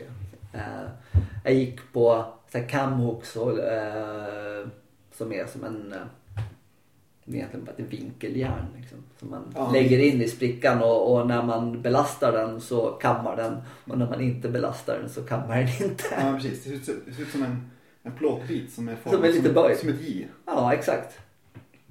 Eh, och så jag gick på, för det var liksom, den följde, replängden följde en fin spricka och jag gick på, på camhooks och la sån här ballnuts, low ballnuts som Mm. är som en som ett mellanting mellan en kil och en eh, eller det är som man kan säga att det är som två kilar som glider mot varandra Ja, så att de precis. blir lite kammande. Ja. Eh, så de passar li- är lite bättre i så parallella sprickor. Men det är annars det som är väldigt bra med de här camhooksen är att man kan ejda sig upp för parallella sprickor, parallella tunna sprickor där kilar inte skulle bita Mm. och där eh, väldigt få friends går in. Mm. Eh, nu när det har kommit, när det har kommit riktigt små kammar så har ju liksom så kanske behovet av camhooks har minskat lite. Men de har ju fortfarande en funktion och framförallt så går det ju väldigt fort att klättra på dem. Mm. Eh, och jag klättrade upp eh, ganska liksom, eh, här, snabbt i, i camhooks för jag hade liksom en camhook på, på varje stege och bara gick upp och placerade så här, ett, jag tror jag hade placerat två stycken sådana ballnuts som säkringar på vägen liksom. Så det var ju nästan som att typ friklättra och så säkra. Och sen så stod jag i en camhook. Och så skulle jag liksom eh, kliva upp ganska högt upp i stegen. Eh, och försökte nå till en eh, till ett stort flak med en, eh, en stor hook. Eh, och jag nådde inte riktigt. Och så tänkte jag, eller jag, tänkte inte men instinktivt så, så bara skulle jag dyna till till den. Så jag, jag skulle liksom hoppa. För, att, för då hade jag den liksom i, eh, satt fast den i, i stegen. Eh, och, och skulle hoppa och alltså det var ju inte något så här jättehopp utan det var ju liksom bara så här, jag behövde nå de där sista fem centimeterna eller vad det kan ha varit. Liksom. Att man skulle hoppa till och få på hooken och då kunde jag liksom gunga ut i, i Daisyn och i den där. Men en camhook den sitter ju för att du håller tryck på den. Så när du gungar till och hoppar då släpper den ju. Men det var liksom bara du vet så här, allt bara gick, eh, klättrade fort och det var lätt och liksom det var så här ingen eh, eh, Det var liksom aldrig liksom någon så här någon anspänn, liksom, nerv, liksom, anspänning av nervositet. Utan det var såhär, okej okay, fan jag når inte. Jag hoppar till och så tar jag den så kommer det vara lugnt. Liksom. Äh, men äh, så när jag liksom gungade till så släppte ju kammoken och jag bara flög. Båda de där bålnatsen gick sönder. Äh, och precis ovanför standplatsen så hade jag lagt en, en Metolius-kam. Som eh, de gjorde ju, liksom var ju bland de bättre. De gjorde ju TCUer, alltså eh, trekams eh, eh, kamsäkringar. Hade jag lagt en sån precis ovanför stamplatsen. Eh, och den tog. Eh, det var liksom, eh, och den hade jag lagt precis ovanför stamplatsen. Eh, men karbinen som den satt i den eh, hade liksom hamnat på tvären. Så att den liksom var tvär, blev tvärbelastad. Och gamla karbiner, det har de inte längre just av den här anledningen. Eh, hade två vassa kanter i själva infästningen till, till gångjärnet. Liksom. Ja, jag vet vad du menar. Eh, så repet åkte och då var det liksom eh, drygt 10 meter rep ute liksom ovanför, uh, ovanför den, uh, eh, den säkringen. Så jag kom ju liksom med, med liksom så mycket fart och liksom kraft i repet. Och repet hamnade ovanför de där två vassa kanterna och bara pff, revs eh, sönder. Eh, och liksom så manteln var helt söndertrasad och eh, fem stycken så här, utav de här strandsen i repet var av. Eh, gick av i det här. Och jag är liksom typ långt nedanför stamplatsen liksom, och bara tittar upp och bara ser det här liksom, repet som bara är helt söndertrashat. Och är liksom, kommer inte ihåg vilken replängd, jag måste kolla i faran för att se vilken replängd det, det var men liksom, det är ju typ halvvägs upp på El Cap. Eh, typ replängden under Island in the Sky Eh, för jag tror att det var den vi nådde för sen hade vi standplats på, eller bivack på Island in the Sky. Eh, ja, och bara se det där liksom nystanet av, av liksom ett trashat rep. Och jag bara gick så armgång upp för, för repet och liksom gick ju på, på väggen såklart. Eh, jag menar, eh, och bara drog upp i repet och liksom fångade underkanten på så här, en av looparna som hängde under hissäcken. Och bara liksom drog mig upp i hissäcken och bara... Och var helt... Eh, eh, liksom... Ja, du vet. Bara så... Så... I gasen. Eh, eller liksom skärrad heter det. jag, jag förstår. Ja. och så men hur långt var fallet tror du? Ja men det var ju typ tio, drygt 10 meter rep ute. Så det dubbla liksom. Uh, Minst 20 meter? Ja. Uh, vad vill du? Jag tänkte om jag skulle välja. Okej. Okay. Han sitter, håller på att intervjua det. Så att det han spelar in. Så det är också bra om du inte spelar jättemycket hög musik. Nej, men det är lugnt. Ja. Gör, gör, som du vill. Du kan gå ner i källaren och göra det om du vill. Gå ner i vårat rum. Uh, ja. Men så, uh, så bestämde jag mig bara för att uh, vi kapade repet. och så tänkte jag att det är bara att klättra nu. Det är liksom, jag kan inte sitta för jag var helt så här. Jag var, jag var jävligt skärrad.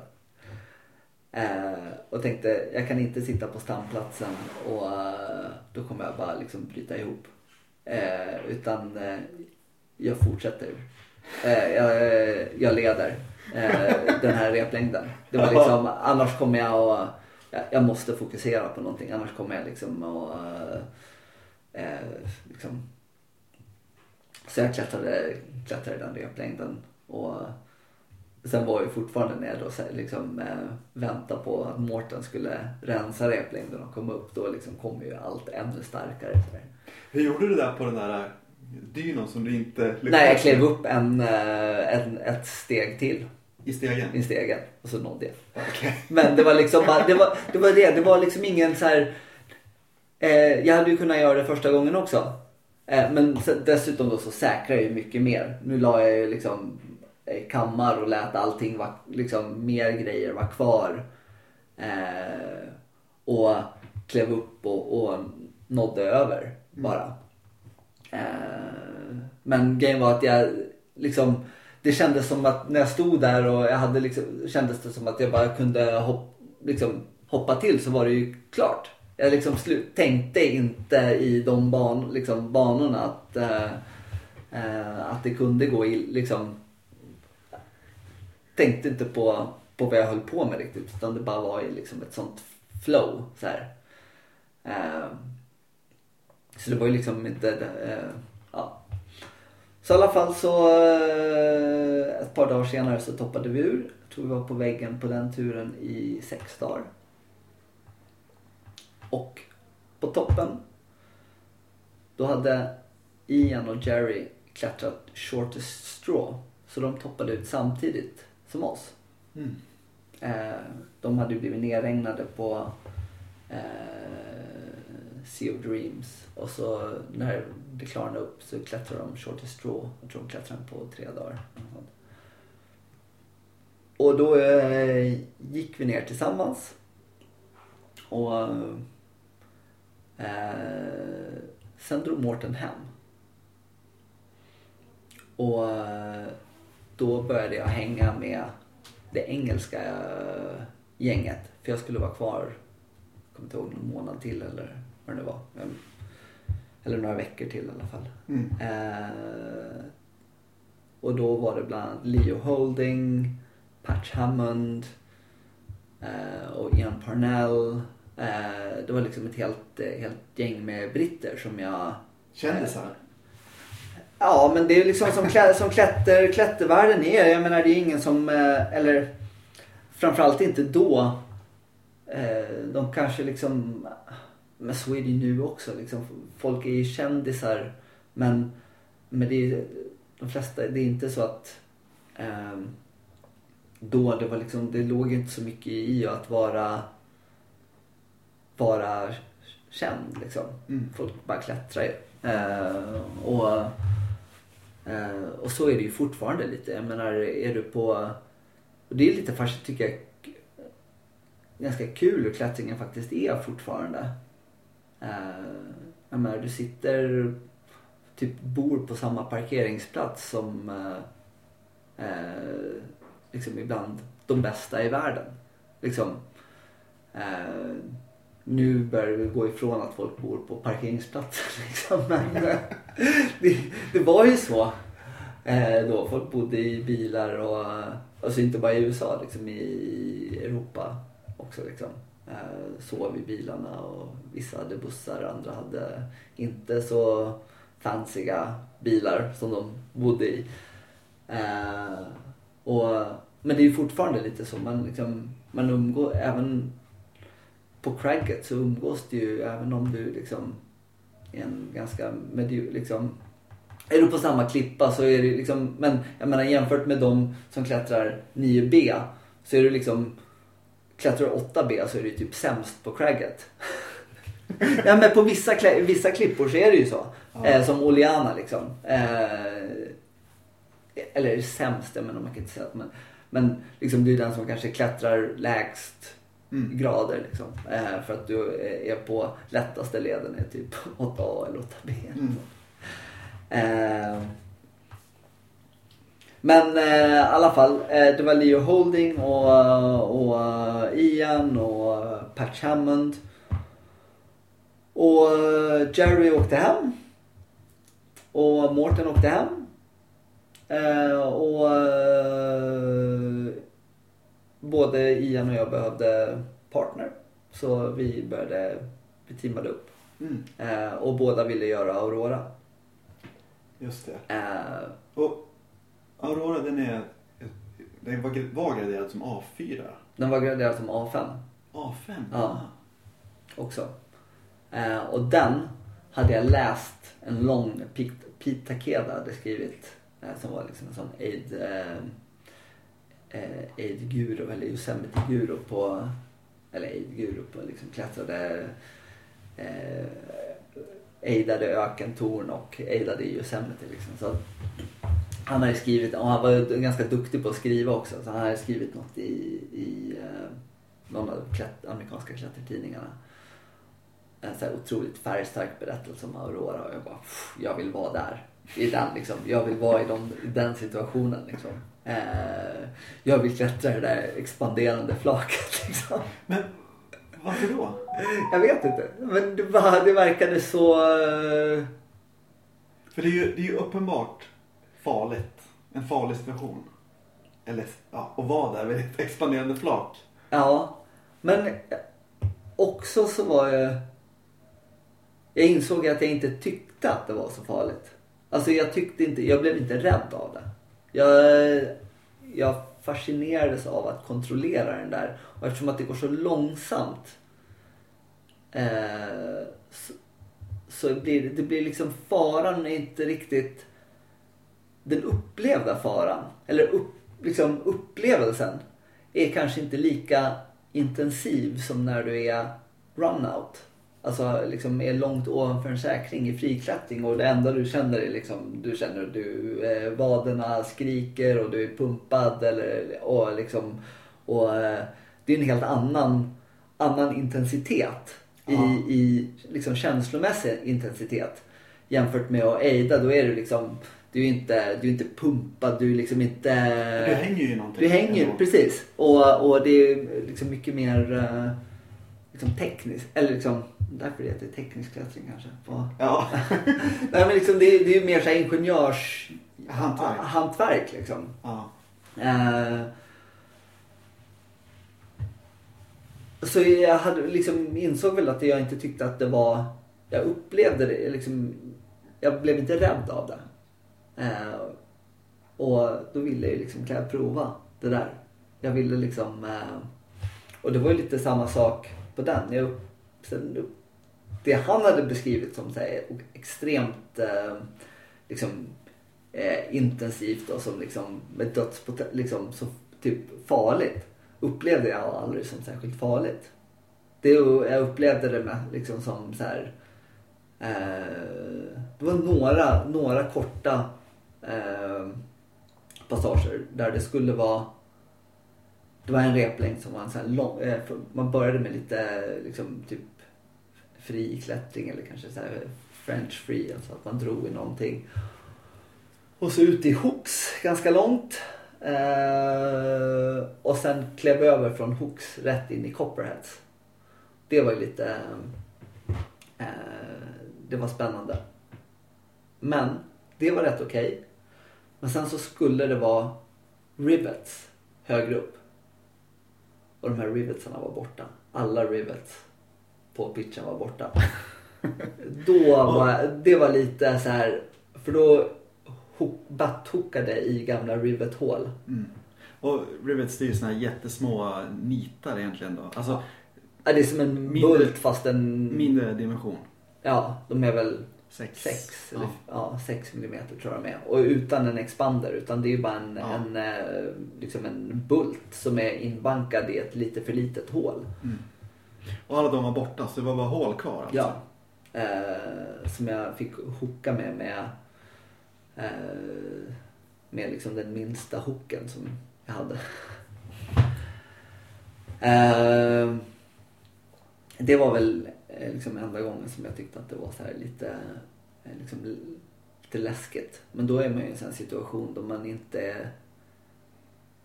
Det går liksom inte att göra så jävla mycket. Du måste bara så här, eh, göra jobbet helt enkelt. Det är väl så klättring, eller liksom den typen av klättring är lite.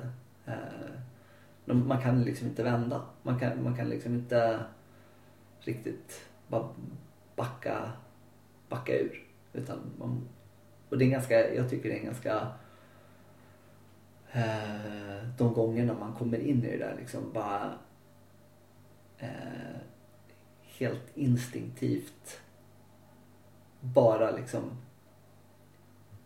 klätt, det enda finns att göra är att klättra uppåt liksom. Eh, det är en rätt, eh, ett rätt speciellt tillstånd man är i. Och man kan liksom, det finns liksom inte utrymme för att vara rädd. Det är bara att vara liksom eh, metodisk. Och det är liksom ingenting som, man, eller som jag upplever att jag kan kontrollera heller. Det är bara så här, jag hamnar i det. Och 90% av gångerna som på friklättring så, eller 99% av gångerna så hamnar man ju så här, när det finns en liten möjlighet att backa ur. Då, då backar man ju ur liksom. när, det, när det blir, men det finns några tillfällen som man hamnar i så här situationer man inte kan backa ur. Och det, det är och Jag har i alla fall funkat så att jag har blivit väldigt skärpt och metodisk och bara hade en annan sån episod i Patagonien när vi rappellerade. Men det är en annan story. Ehm, ja, det var väl enda gången, men enda gången som det var liksom så här, som jag upplevde det som att ganska så här, liksom kärvt och lite liksom att där hade konsekvenserna kunnat vara ganska stora. Eh, men jag upplevde ändå att jag hade kontroll på situationen. Men det som var kul med att klättra med igen, typ på kanske var första replängden, jag kommer inte ihåg. Eh, så bara hopptestar inte du? Jag bara nej. Han bara Erik, du måste hopptesta. Jag bara varför? Och så förklarade han så varför man skulle hopptesta. För att har man hopptestat första säkringen ordentligt eh, då vågar man ju hoppa hårt i nästa säkring. Och vet man att hela säkringskedjan har liksom genomgått hopptest så om det då man kommer ganska högt upp och det är en säkring som du inte riktigt vågar hopptesta så är det en väldigt, väldigt trygghet. Det där hade helt Att man har testat dem nedanför. att du har testat allt nedanför. Jag hade aldrig hopptestat. Så du hade klättrat A5 innan och aldrig hopptestat? Nej. Eh, jag bara, aha. Eh, och så förklarar han varför. Bara, ah, makes sense. eh, och, och det var ju då lite grejen då. Eh, med de där, den pitchen sen också. Eh, att eh, när jag hade liksom, eh, varit så metodisk. Ja, men, eh, så eh, det var ju helt plötsligt som skillnaden i hur jag klättrade eh, South Pacific och hur jag klättrade, eller vi klättrade Aurora. Den var ju liksom eh, helt enorm. Det var liksom helt... Eh, för övrigt, jag tror vi slog två pitonger på hela South Pacific. Eh, på Aurora hamrade vi ganska mycket.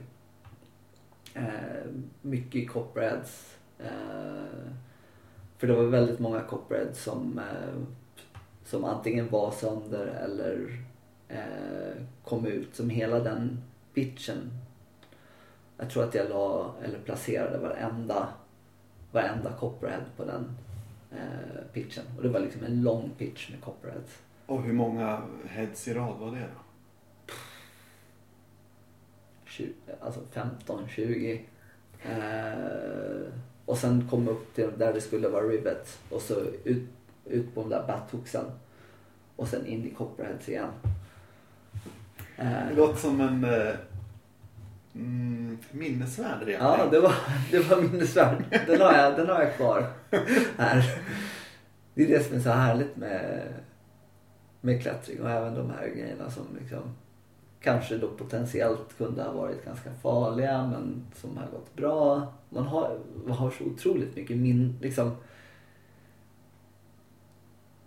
det är liksom de här minnena från all klättring fyller en ju liksom.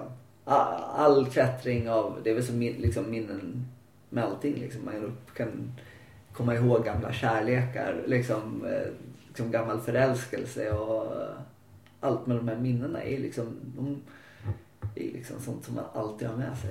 Det är, sen kanske man glömmer bort dem ett tag. Och, och kommer, till, kommer återuppleva dem först när någon kommer och intervjuar en. Liksom. men, eh, nej, men jag tänker på dem oftare. Eh, och det är liksom allting. All, allt från klättring eh, ligger ju liksom alltid, alltid kvar. Liksom.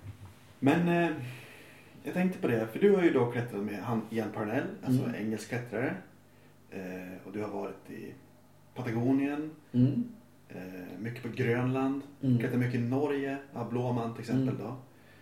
För när jag har varit och klättrat, eh, ja men jag ändå, ja, klättrat i England en sväng och Norge och sådär.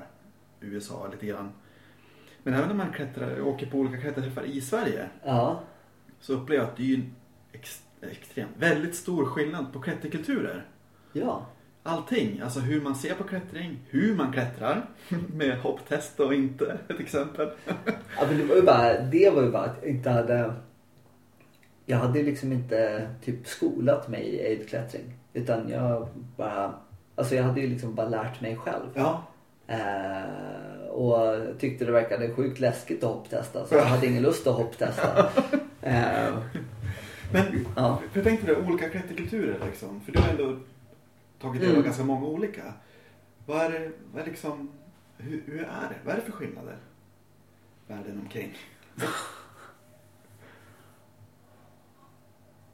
Alltså det är jättestora skillnader men samtidigt så är det ju ingen skillnad. Det är liksom som klättring. Eh, det är klart att liksom så här. Sitter du på en camping eller liksom i USA så är det liksom så det är kanske fler som tuggar liksom. Eh, kanske mer liksom högljutt eh, skrävlande. Ja. Eh, men, fast det är, det är liksom då, det är kanske de du kommer ihåg. Samtidigt finns det så otroligt många lågmälda, sjukt eh, liksom, lågmälda, jätteduktiga amerikanska klättrare. Det, egentligen är det ingen större skillnad. Det Sen är det klart att det finns liksom kulturer och det har ju med kanske att det är några i en framförallt förut så var ju kanske klätterkulturerna mer differentierade för att eh, då fick du din största inspiration från liksom, lokalmiljön.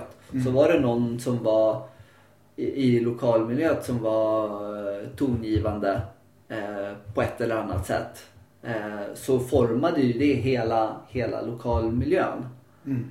Eh, så att var det någon i eh, någonstans som var eh, väldigt peppad på att bouldra som, liksom, som drog med sig andra så blev det liksom en, en miljö som kretsade kring bouldering. Eller i andra miljöer så kanske det var någon som var väldigt tongivande som var väldigt liksom, så här, träningsfokuserad. Eh, liksom, och, och där klättring, för den personen så kanske klättring mest handlade om träning. Mm. Liksom olika, ja, liksom, typ olika former utav eh, liksom fysisk träning för att bli bättre klättrare. Ja, Då blev kanske hela miljön påverkad av, av det. ja, Eh, och som i Stockholm så har det ju alltid varit väldigt många lokalmiljöer. ja. Eh, det har väl liksom varit kanske det som eh, har varit utmärkande för Stockholm för att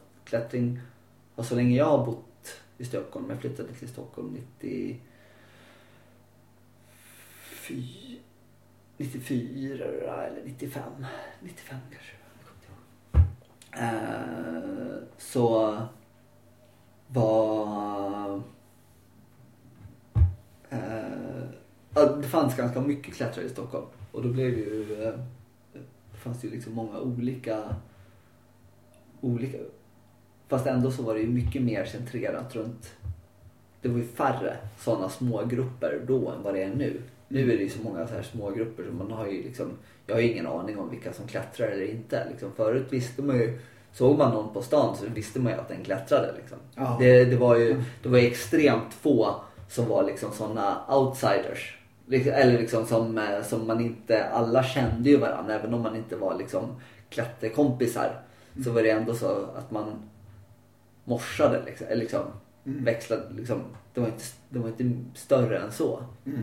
Eh, det är det ju nu. Nu har man ju ingen aning om liksom. Typ alla klättrar i alla fall. Mm. Nu för tiden. liksom på ett eller annat nästan. Ja, för ja, det är ganska länge sedan nu, men jag var till England och klättrade Ja. i Peak District. Ja. Eh, ett par dagar, ett par kompisar.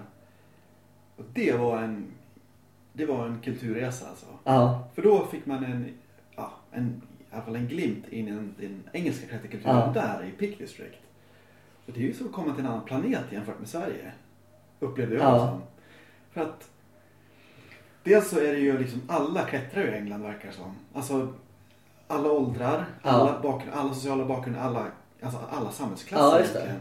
Men i Sverige är det ju ganska homogent. Det är ändå ganska mycket akademiker på ett sätt. Ja. Ja, det är det väl kanske. Och i England så, så jag kommer ihåg, vi var där, det regnade lite grann. Som Ja, kan göra. som alltid. Ja. Eh, och vi, så här, Norge. Ja, vi tänkte ah, vi åker in till gymmet och klättrar inomhus i Sheffield Ja. istället. Så här.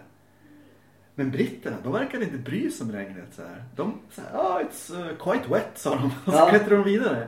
Och så hade de på en sån där drog på sig en sån här lång regnrock som går liksom nedanför knäna nästan. Ja. Och klättra i.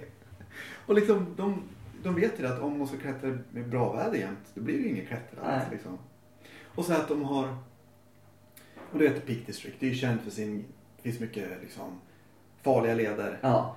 och sådär. Men det finns ju lika mycket Ja, men det leder. mer. Ja, mer kanske De- till och med. Precis. Det är ju det som är, tror jag, det är samma sak med så här. Eh, men peak verkligen.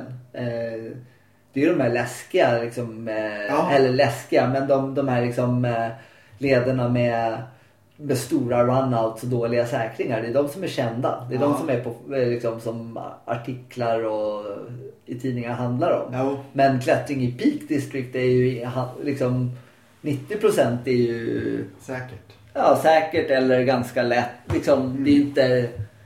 Det är så långt ifrån hardcore som det bara kan komma. Och så Ja. är det ju lite i Elbsandstein också. Mm. Att... Eh, det är klart att det man liksom som utomstående får reda på om, om klättring i Elbsandstein det är liksom de här cutting edge-lederna. Ja. Eh, men väldigt mycket är ju liksom inte... är liksom ganska lättillgängligt. Eh, även om de har sin väldigt, så här, precis som i Peak, väldigt liksom strikta, strikta regler runt Mm. klättring. Eh, och hur du får säkra och eh, Och sen upplevde jag där i Peak District också att, att de har liksom omfamnat risken. Ja. De tar för vad det är. Mm. Alltså, klippan är vad det är.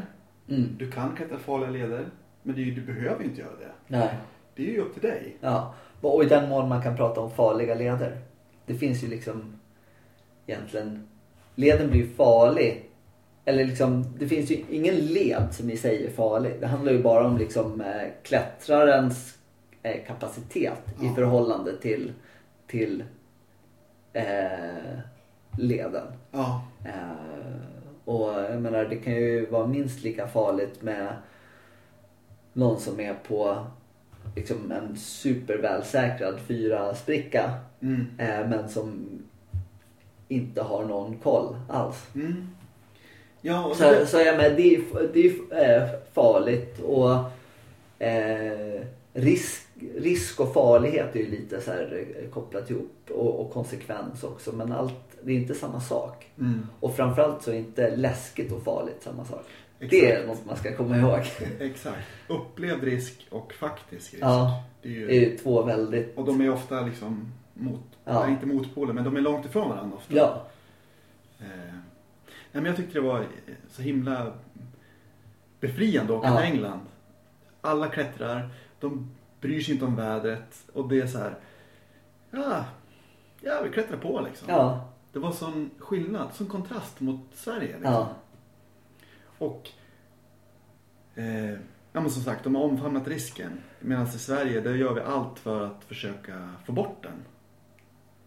Ja, jag tror inte man kan så uttrycka det så dogmatiskt. Eller Nej, liksom det- så. det- för att ja. det finns, det finns liksom alla möj, möjliga strömningar eh, i klättringen. Ja, det är sant. Och jag tycker att det är en av de, liksom, det som är, är så vackert i klättring. Att jag tycker, samtidigt som vi måste ha ett litet, ett, ett, liksom, några förhållningsregler som Mm. vi liksom gemensamt kommer överens om. Mm. Eh, ut som samhället i stort.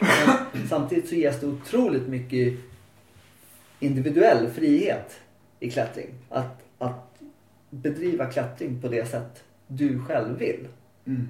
Eh, och så länge du inte förstör för någon annan eh, så är det liksom accepterat. Och du har liksom eh, Vissa vill klättra välsäkrade leder och andra eh, tycker att det är kul att, att pressa liksom och, och bara eh, komma upp för sånt med väldigt få säkringsmöjligheter. Eh, eller liksom tar, tar sig an utmaningar. Kanske, kanske inte är sådär jätteroligt men det handlar ju liksom om att säga, okej men tror jag att det är möjligt överhuvudtaget? Mm. Och om det inte är möjligt då kan man kliva av och bara tänka att det här var inte för mig. Det här är för någon annan. Eh, och så får leden fortfarande stå som ett projekt. Eh, utan att man kanske bara går dit, borrar ett hål, sätter en bult, klättrar leden. För det kanske är, det kan ju vara allt det som krävs för att eh, och eh, så på så sätt så tycker jag, alltså hur mycket jag alltså jag älskar att klättra på borrbultar. Liksom det är ju, ska jag vara helt krasst så är det det jag gör mest. Liksom. Eh, även om eh, liksom jag helst vill klättra annat. Eller det jag tycker är roligast är att klättra liksom i berg och så. Men jag menar, eh,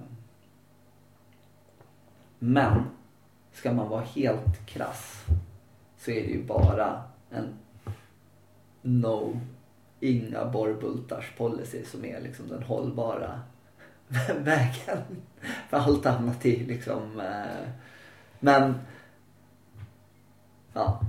Ja, men jag, jag förstår hur du tänker. I- i- För det där att lägga så här, att säga så här, man får bara placera borrbultar som det är lite så här, den typ Bohusläns bultpolicy. Eh, där det absolut är nödvändigt. Vad fan är absolut nödvändigt? Det är inte ens nödvändigt att klättra leden. Det finns ingen... Precis. Eh, klättring är helt onödigt. Eh, I tramset. Ja, exakt. Nej men liksom det, det förutom att det är eh, kul för mig. Liksom det är som så här. Eh, det finns ju liksom inget, eh, förutom att jag tycker att det är roligt. Så finns det ju inget så här eh, syfte med det liksom.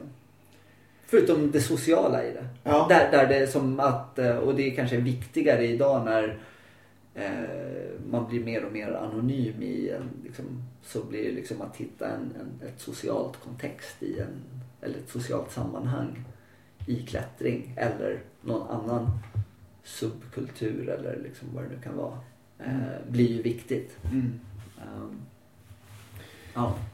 Eh, jag tänkte vi ska försöka runda av lite grann här. Vi kom inte ens dit vi skulle. Nej, skitsamma.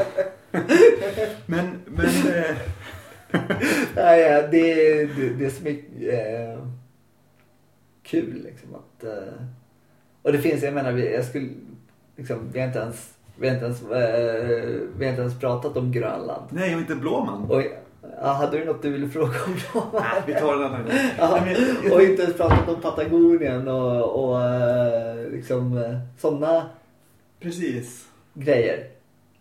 Jag ska faktiskt åka till Grönland om... Fan, det är sjukt snart. Jaha. Typ en månad. Okej.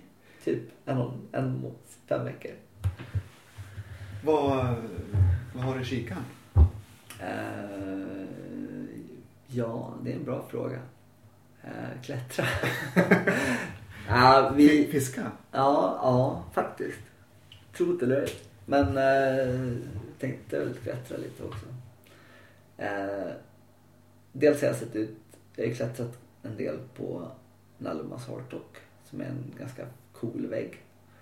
Eh, men sen så har jag också eh, sett, och där har jag sett några linjer som, eh, som jag tror går att friklättra. Eh, och ehm, sen har jag även kollat in Kettilfjäll eh, som är i samma fjord men en dalgång längre bort. Eller längre in liksom i Mm. fjorden. Eh, och där finns det också några leder som är, för jag tror den, den stora väggen eh, den har liksom inte blivit friklättrad vad jag vet. Eh, och jag tror faktiskt inte att det kommer att vara så svårt. Men jag kanske har fel. Men jag tror inte det. Det visar sig. Det visar sig. Eh, och eh, jag åker dit med eh, Alexej Jaruta Ja, och eh, för det var min... eh, Eh, Sebastian Blyckert, Seba. okej. Eh, som är båda sjukt begåvade unga klättrare. För det var det jag tänkte försöka avsluta med här. Ja, Om man pratar om klättring idag. För jag har sett på sociala medier att du har klättrat en del med Alexander ja Jaruta. Alexej. Alexej. Ja, Alexej Jaruta. ja, just det. Och eh, Kajsa Rosén också. Lite grann. Mm. Och de två är ju liksom bäst i Sverige. På ett sätt. Mm. Eh, just nu i alla fall. Lite olika grenar i och för sig. Kajsa är ju mer sportklättring Mm. och Alexej är ju kilklättring. Mm. Hård kilklättring på en stor vägg. Ja. Men du har varit till eh, Frankrike med Kajsa. Mm. Ja just det, jag var ju med, med Alexej också. Jag var med Alexej här för uh, bara någon, det kanske två månader sedan nu. Men, eh, och Kajsa för, var vi där för två år sedan tror jag det var. Eh, Har du blivit, är du sån här coach nu för tiden? Också? nej, inte, inte uh, andlig ledare. Ah. Gud. Eh, Ja, precis. Nej. eh, jag... eh, jag vet inte varför vi... Kajsa ville väl åka och jag ville åka och så åkte vi liksom. Och, eh, eh samma sak med Alexei. Och vi var i Frankenjura och i Elbsandstein tillsammans. Vi klättrade mest i Frankenjura för att det var lite regnigt i, i Elbsandstein. Lite så ostadigt väder och där måste man ju vänta ett dygn ja, eh, efter regn. Får inte skada att inte sandstenen. skada sandstenen för sandstenen är ganska mjuk sådär. Mm. Och den är liksom, på vissa ställen så är den jävligt mjuk. Ehm, men, eh, ja. Vad vill du fråga om det? Nej, men jag, jag tänkte på ja, men Kajsa Rosén som Hur det är att vara andlig ledare? Ja. Ja. Nej men jag tänkte på, alltså när man läser om dem, Ja, då tänker man att det finns, det ser ljust ut för svensk klättring liksom. ja men verkligen. För jag menar, Kajsa Rosén har ju klättrat 8C på blick. Det är ju sjukt jävla hårt alltså. Mm. Och Alexej, han var ju, han var ju sämre till höstas. Mm. Och klättrade, vilken var det? Det var, Ja, de försökte ju göra någon ny tur i höstas. jaha. Eh, och året innan så var han där med Stefan Wolf Mm. och klättrade El Niño var det de gjorde väl. Eh, precis, jag tror att Alexei klättrade hela och det var ett move som inte Stefan gjorde på hela leden. Det är det som är fascinerande med eh, friklättring på stor vägg. Liksom, det är så jävla mycket som ska komma ihop. Eh, som ska liksom eh, knytas samman. Mm. Och eh, det är klart att din egen upplevelse är ju, kan, ju- är ju liksom helt enorm. Men rent liksom på, på pappret så är det liksom... Eh, eller pappret liksom. Eh, och det är mest det, du, så här, det som andra är intresserade av på något vis. Det som eh, jag, en av turerna som vi gjorde på Grönland så ville jag onsajta eh, Moby Dick. Mm. Eh, du kunde vi inte göra eftersom att vi switchade replängder så blev det Moby Dicken led på Ullamatorgsök. Eh, vi switchade replängder, eller vi klättrade i block. Marco klättrade de 15 första och så följde jag på dem. Och sen så klättrade jag de 17 översta. Eh, och eh, Eh, men då eh, eh, Även om vi klättrade liksom de som hade satt upp första fribestigningen då var det liksom, då hade ju alla då var det, det var en hel drös med, fribest, liksom med, med folk som klättrade och alla liksom hade, eller kanske var deras fribestigning var att liksom alla replängder hade blivit friklättrade av någon i laget. Eh, under liksom en flera dagars period med fasta rep och grejer som gick liksom 900 meter rep. Som, eh, eller det var kanske eh, de andra amerikanernas led bredvid som, var, som de hade siegeat upp. Sådär.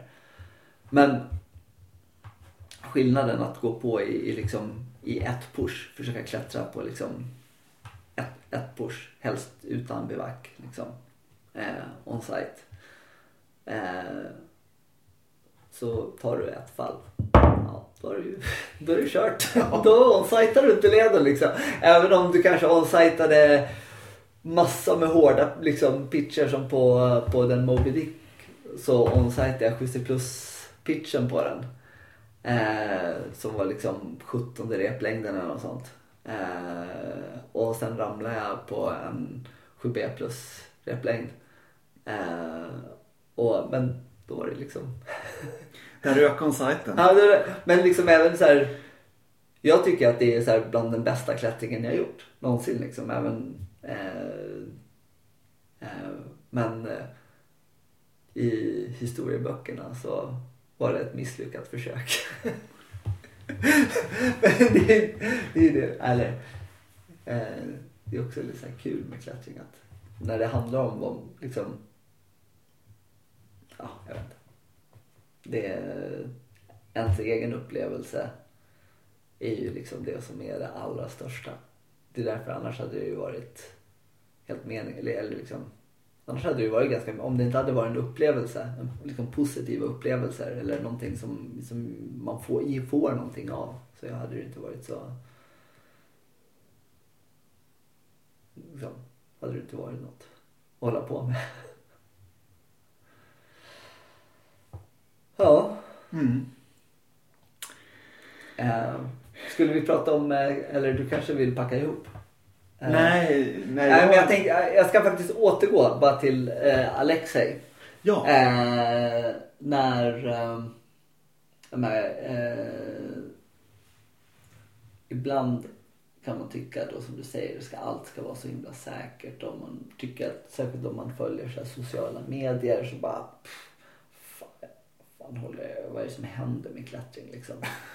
eh, det, han, liksom, det känns så ytligt och så eh, eh, liksom om du, om du bara tar och sociala medier har ju tagit över ganska mycket av liksom mediaströmmen. Eh, liksom de gamla klättermedierna de använder ju sociala medier som liksom informationskälla. Och väldigt många bara citerar det som står på sociala medier. Någons liksom typ Instagram-inlägg. Och så är själva artikeln bara pst, klippt och klistrat. Ja. Eh, och så kanske kommer något liksom bakgrunds, eh, bakgrundsfakta men väldigt, väldigt lite. I stort sett så är det bara liksom en, en eh, eh, återber, liksom, eh, bara citerar eh, Instagram-inlägget till exempel. Mm. Eh, och det blir ju också att, väldigt, att allt det som handlar händer utanför det bruset. Utanför Instagram. Eller utanför eh, liksom, ja, det är väl, och, och Youtube kanske men det är, det är väl Instagram som är liksom stör, det största. Eh, de försvinner ännu längre bort. De glöms bort ännu mer liksom. För att så länge, så länge liksom mediekonsumenten får eh, information så är den nöjd. På något vis. Ja, Eh, källan är ju inte så noga. Nej, Det är det, bara- spelar, det är bara, bara en fin bild eh, och liksom eh, eh, någon tjej, mycket hud. Eh, bra Instagram-inlägg liksom, gi- gilla. och så, så liksom får det större plats i, i världen. Men sen som Alexia och Sebastian som förvisso liksom, de har väl eh, Instagram-konton men de gör ju liksom inte eh, och det är liksom, det är inte deras motiv är inte att få, de, deras motivation är ju att klättra och, och göra det på sin egen eh, eh, men när man ser de som är fruktansvärt begåvade och det är liksom in, gans- känns ganska så här, pretentiöst. Även om det är, liksom, det är all, när det är allvar så är det allvar liksom. Eh, men det är ändå liksom eh, liksom det är kul. Och det är liksom en eh, men när man ser hur liksom begåvade och vart de har tagit liksom eh, fri, eller liksom naturligt säkrad friklättring i, i Sverige och Skandinavien. Och tillsammans, även Erik Andelius är också en sån så otroligt begåvad klättrare. Mm. Eh, liksom när man ser Erik till exempel när han klättrar i, eh, i det är typ han och Ondra som ser mest liksom så här naturliga ut när de klättrar i, i liksom grottan i Flatanger. Det är liksom sättet att röra, det är liksom, Erik ser bara så jävla liksom hemma ut liksom. Eh, det är verkligen eh, jag tycker att han är en av de mest begåvade klättrarna, liksom svenska klättrarna vi har. Och Alex är också sjukt begåvad. Eh,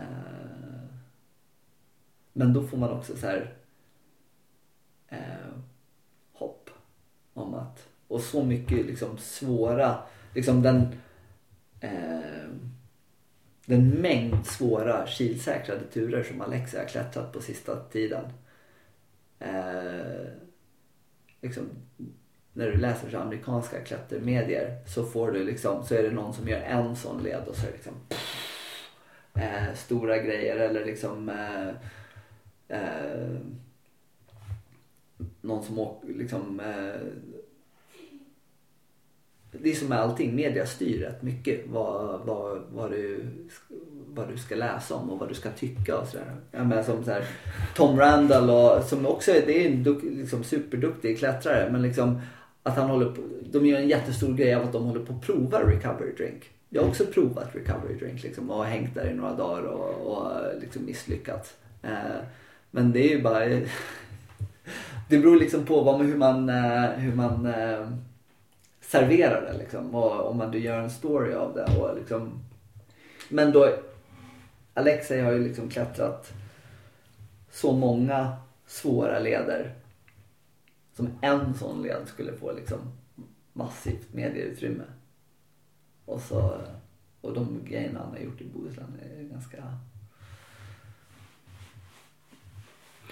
Ja men eh, för att försöka Runda avrunda och sammanfatta det här igen då. Att som klättrare så kan man kanske försöka se bortom sociala medier och faktiskt Ja, om man är intresserad. Ja. Alltså det finns ingen, du kan väl eh, vara lika lycklig och sitta och titta på, liksom förhålla dig till det som sker på där eller liksom. Och jag, jag försöker tänka så här. Att varje gång jag läser om, bara som ett exempel, om en amerikansk klättrare som har gjort en hårdled.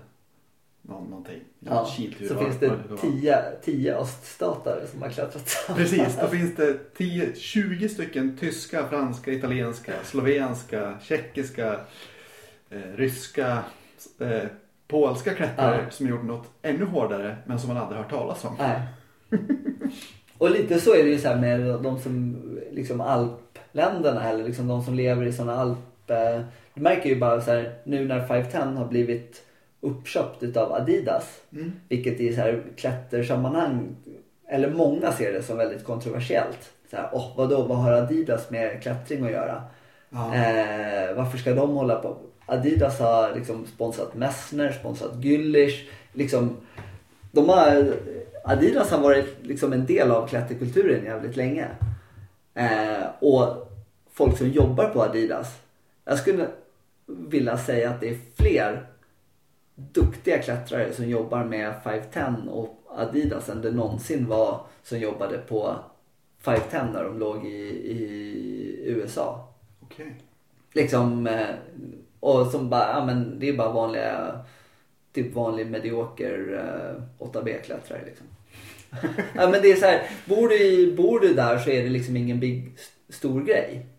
Eh, det är så här, ja, eh, nästa helg drar de åker skidor istället och liksom, det är inte bara så här klättring, klättring utan men de har klättrat hela sitt liv och därför blivit duktiga och har också åkt skidor och är jävligt duktiga på det och cyklar mountainbike och också jävligt duktiga på det liksom. Mm. Eh, och det tror jag kanske är lite så signifikant för, för alpländer. Och kanske också även för så här jämtar. Jämtlänningar. Nej men liksom det är så här.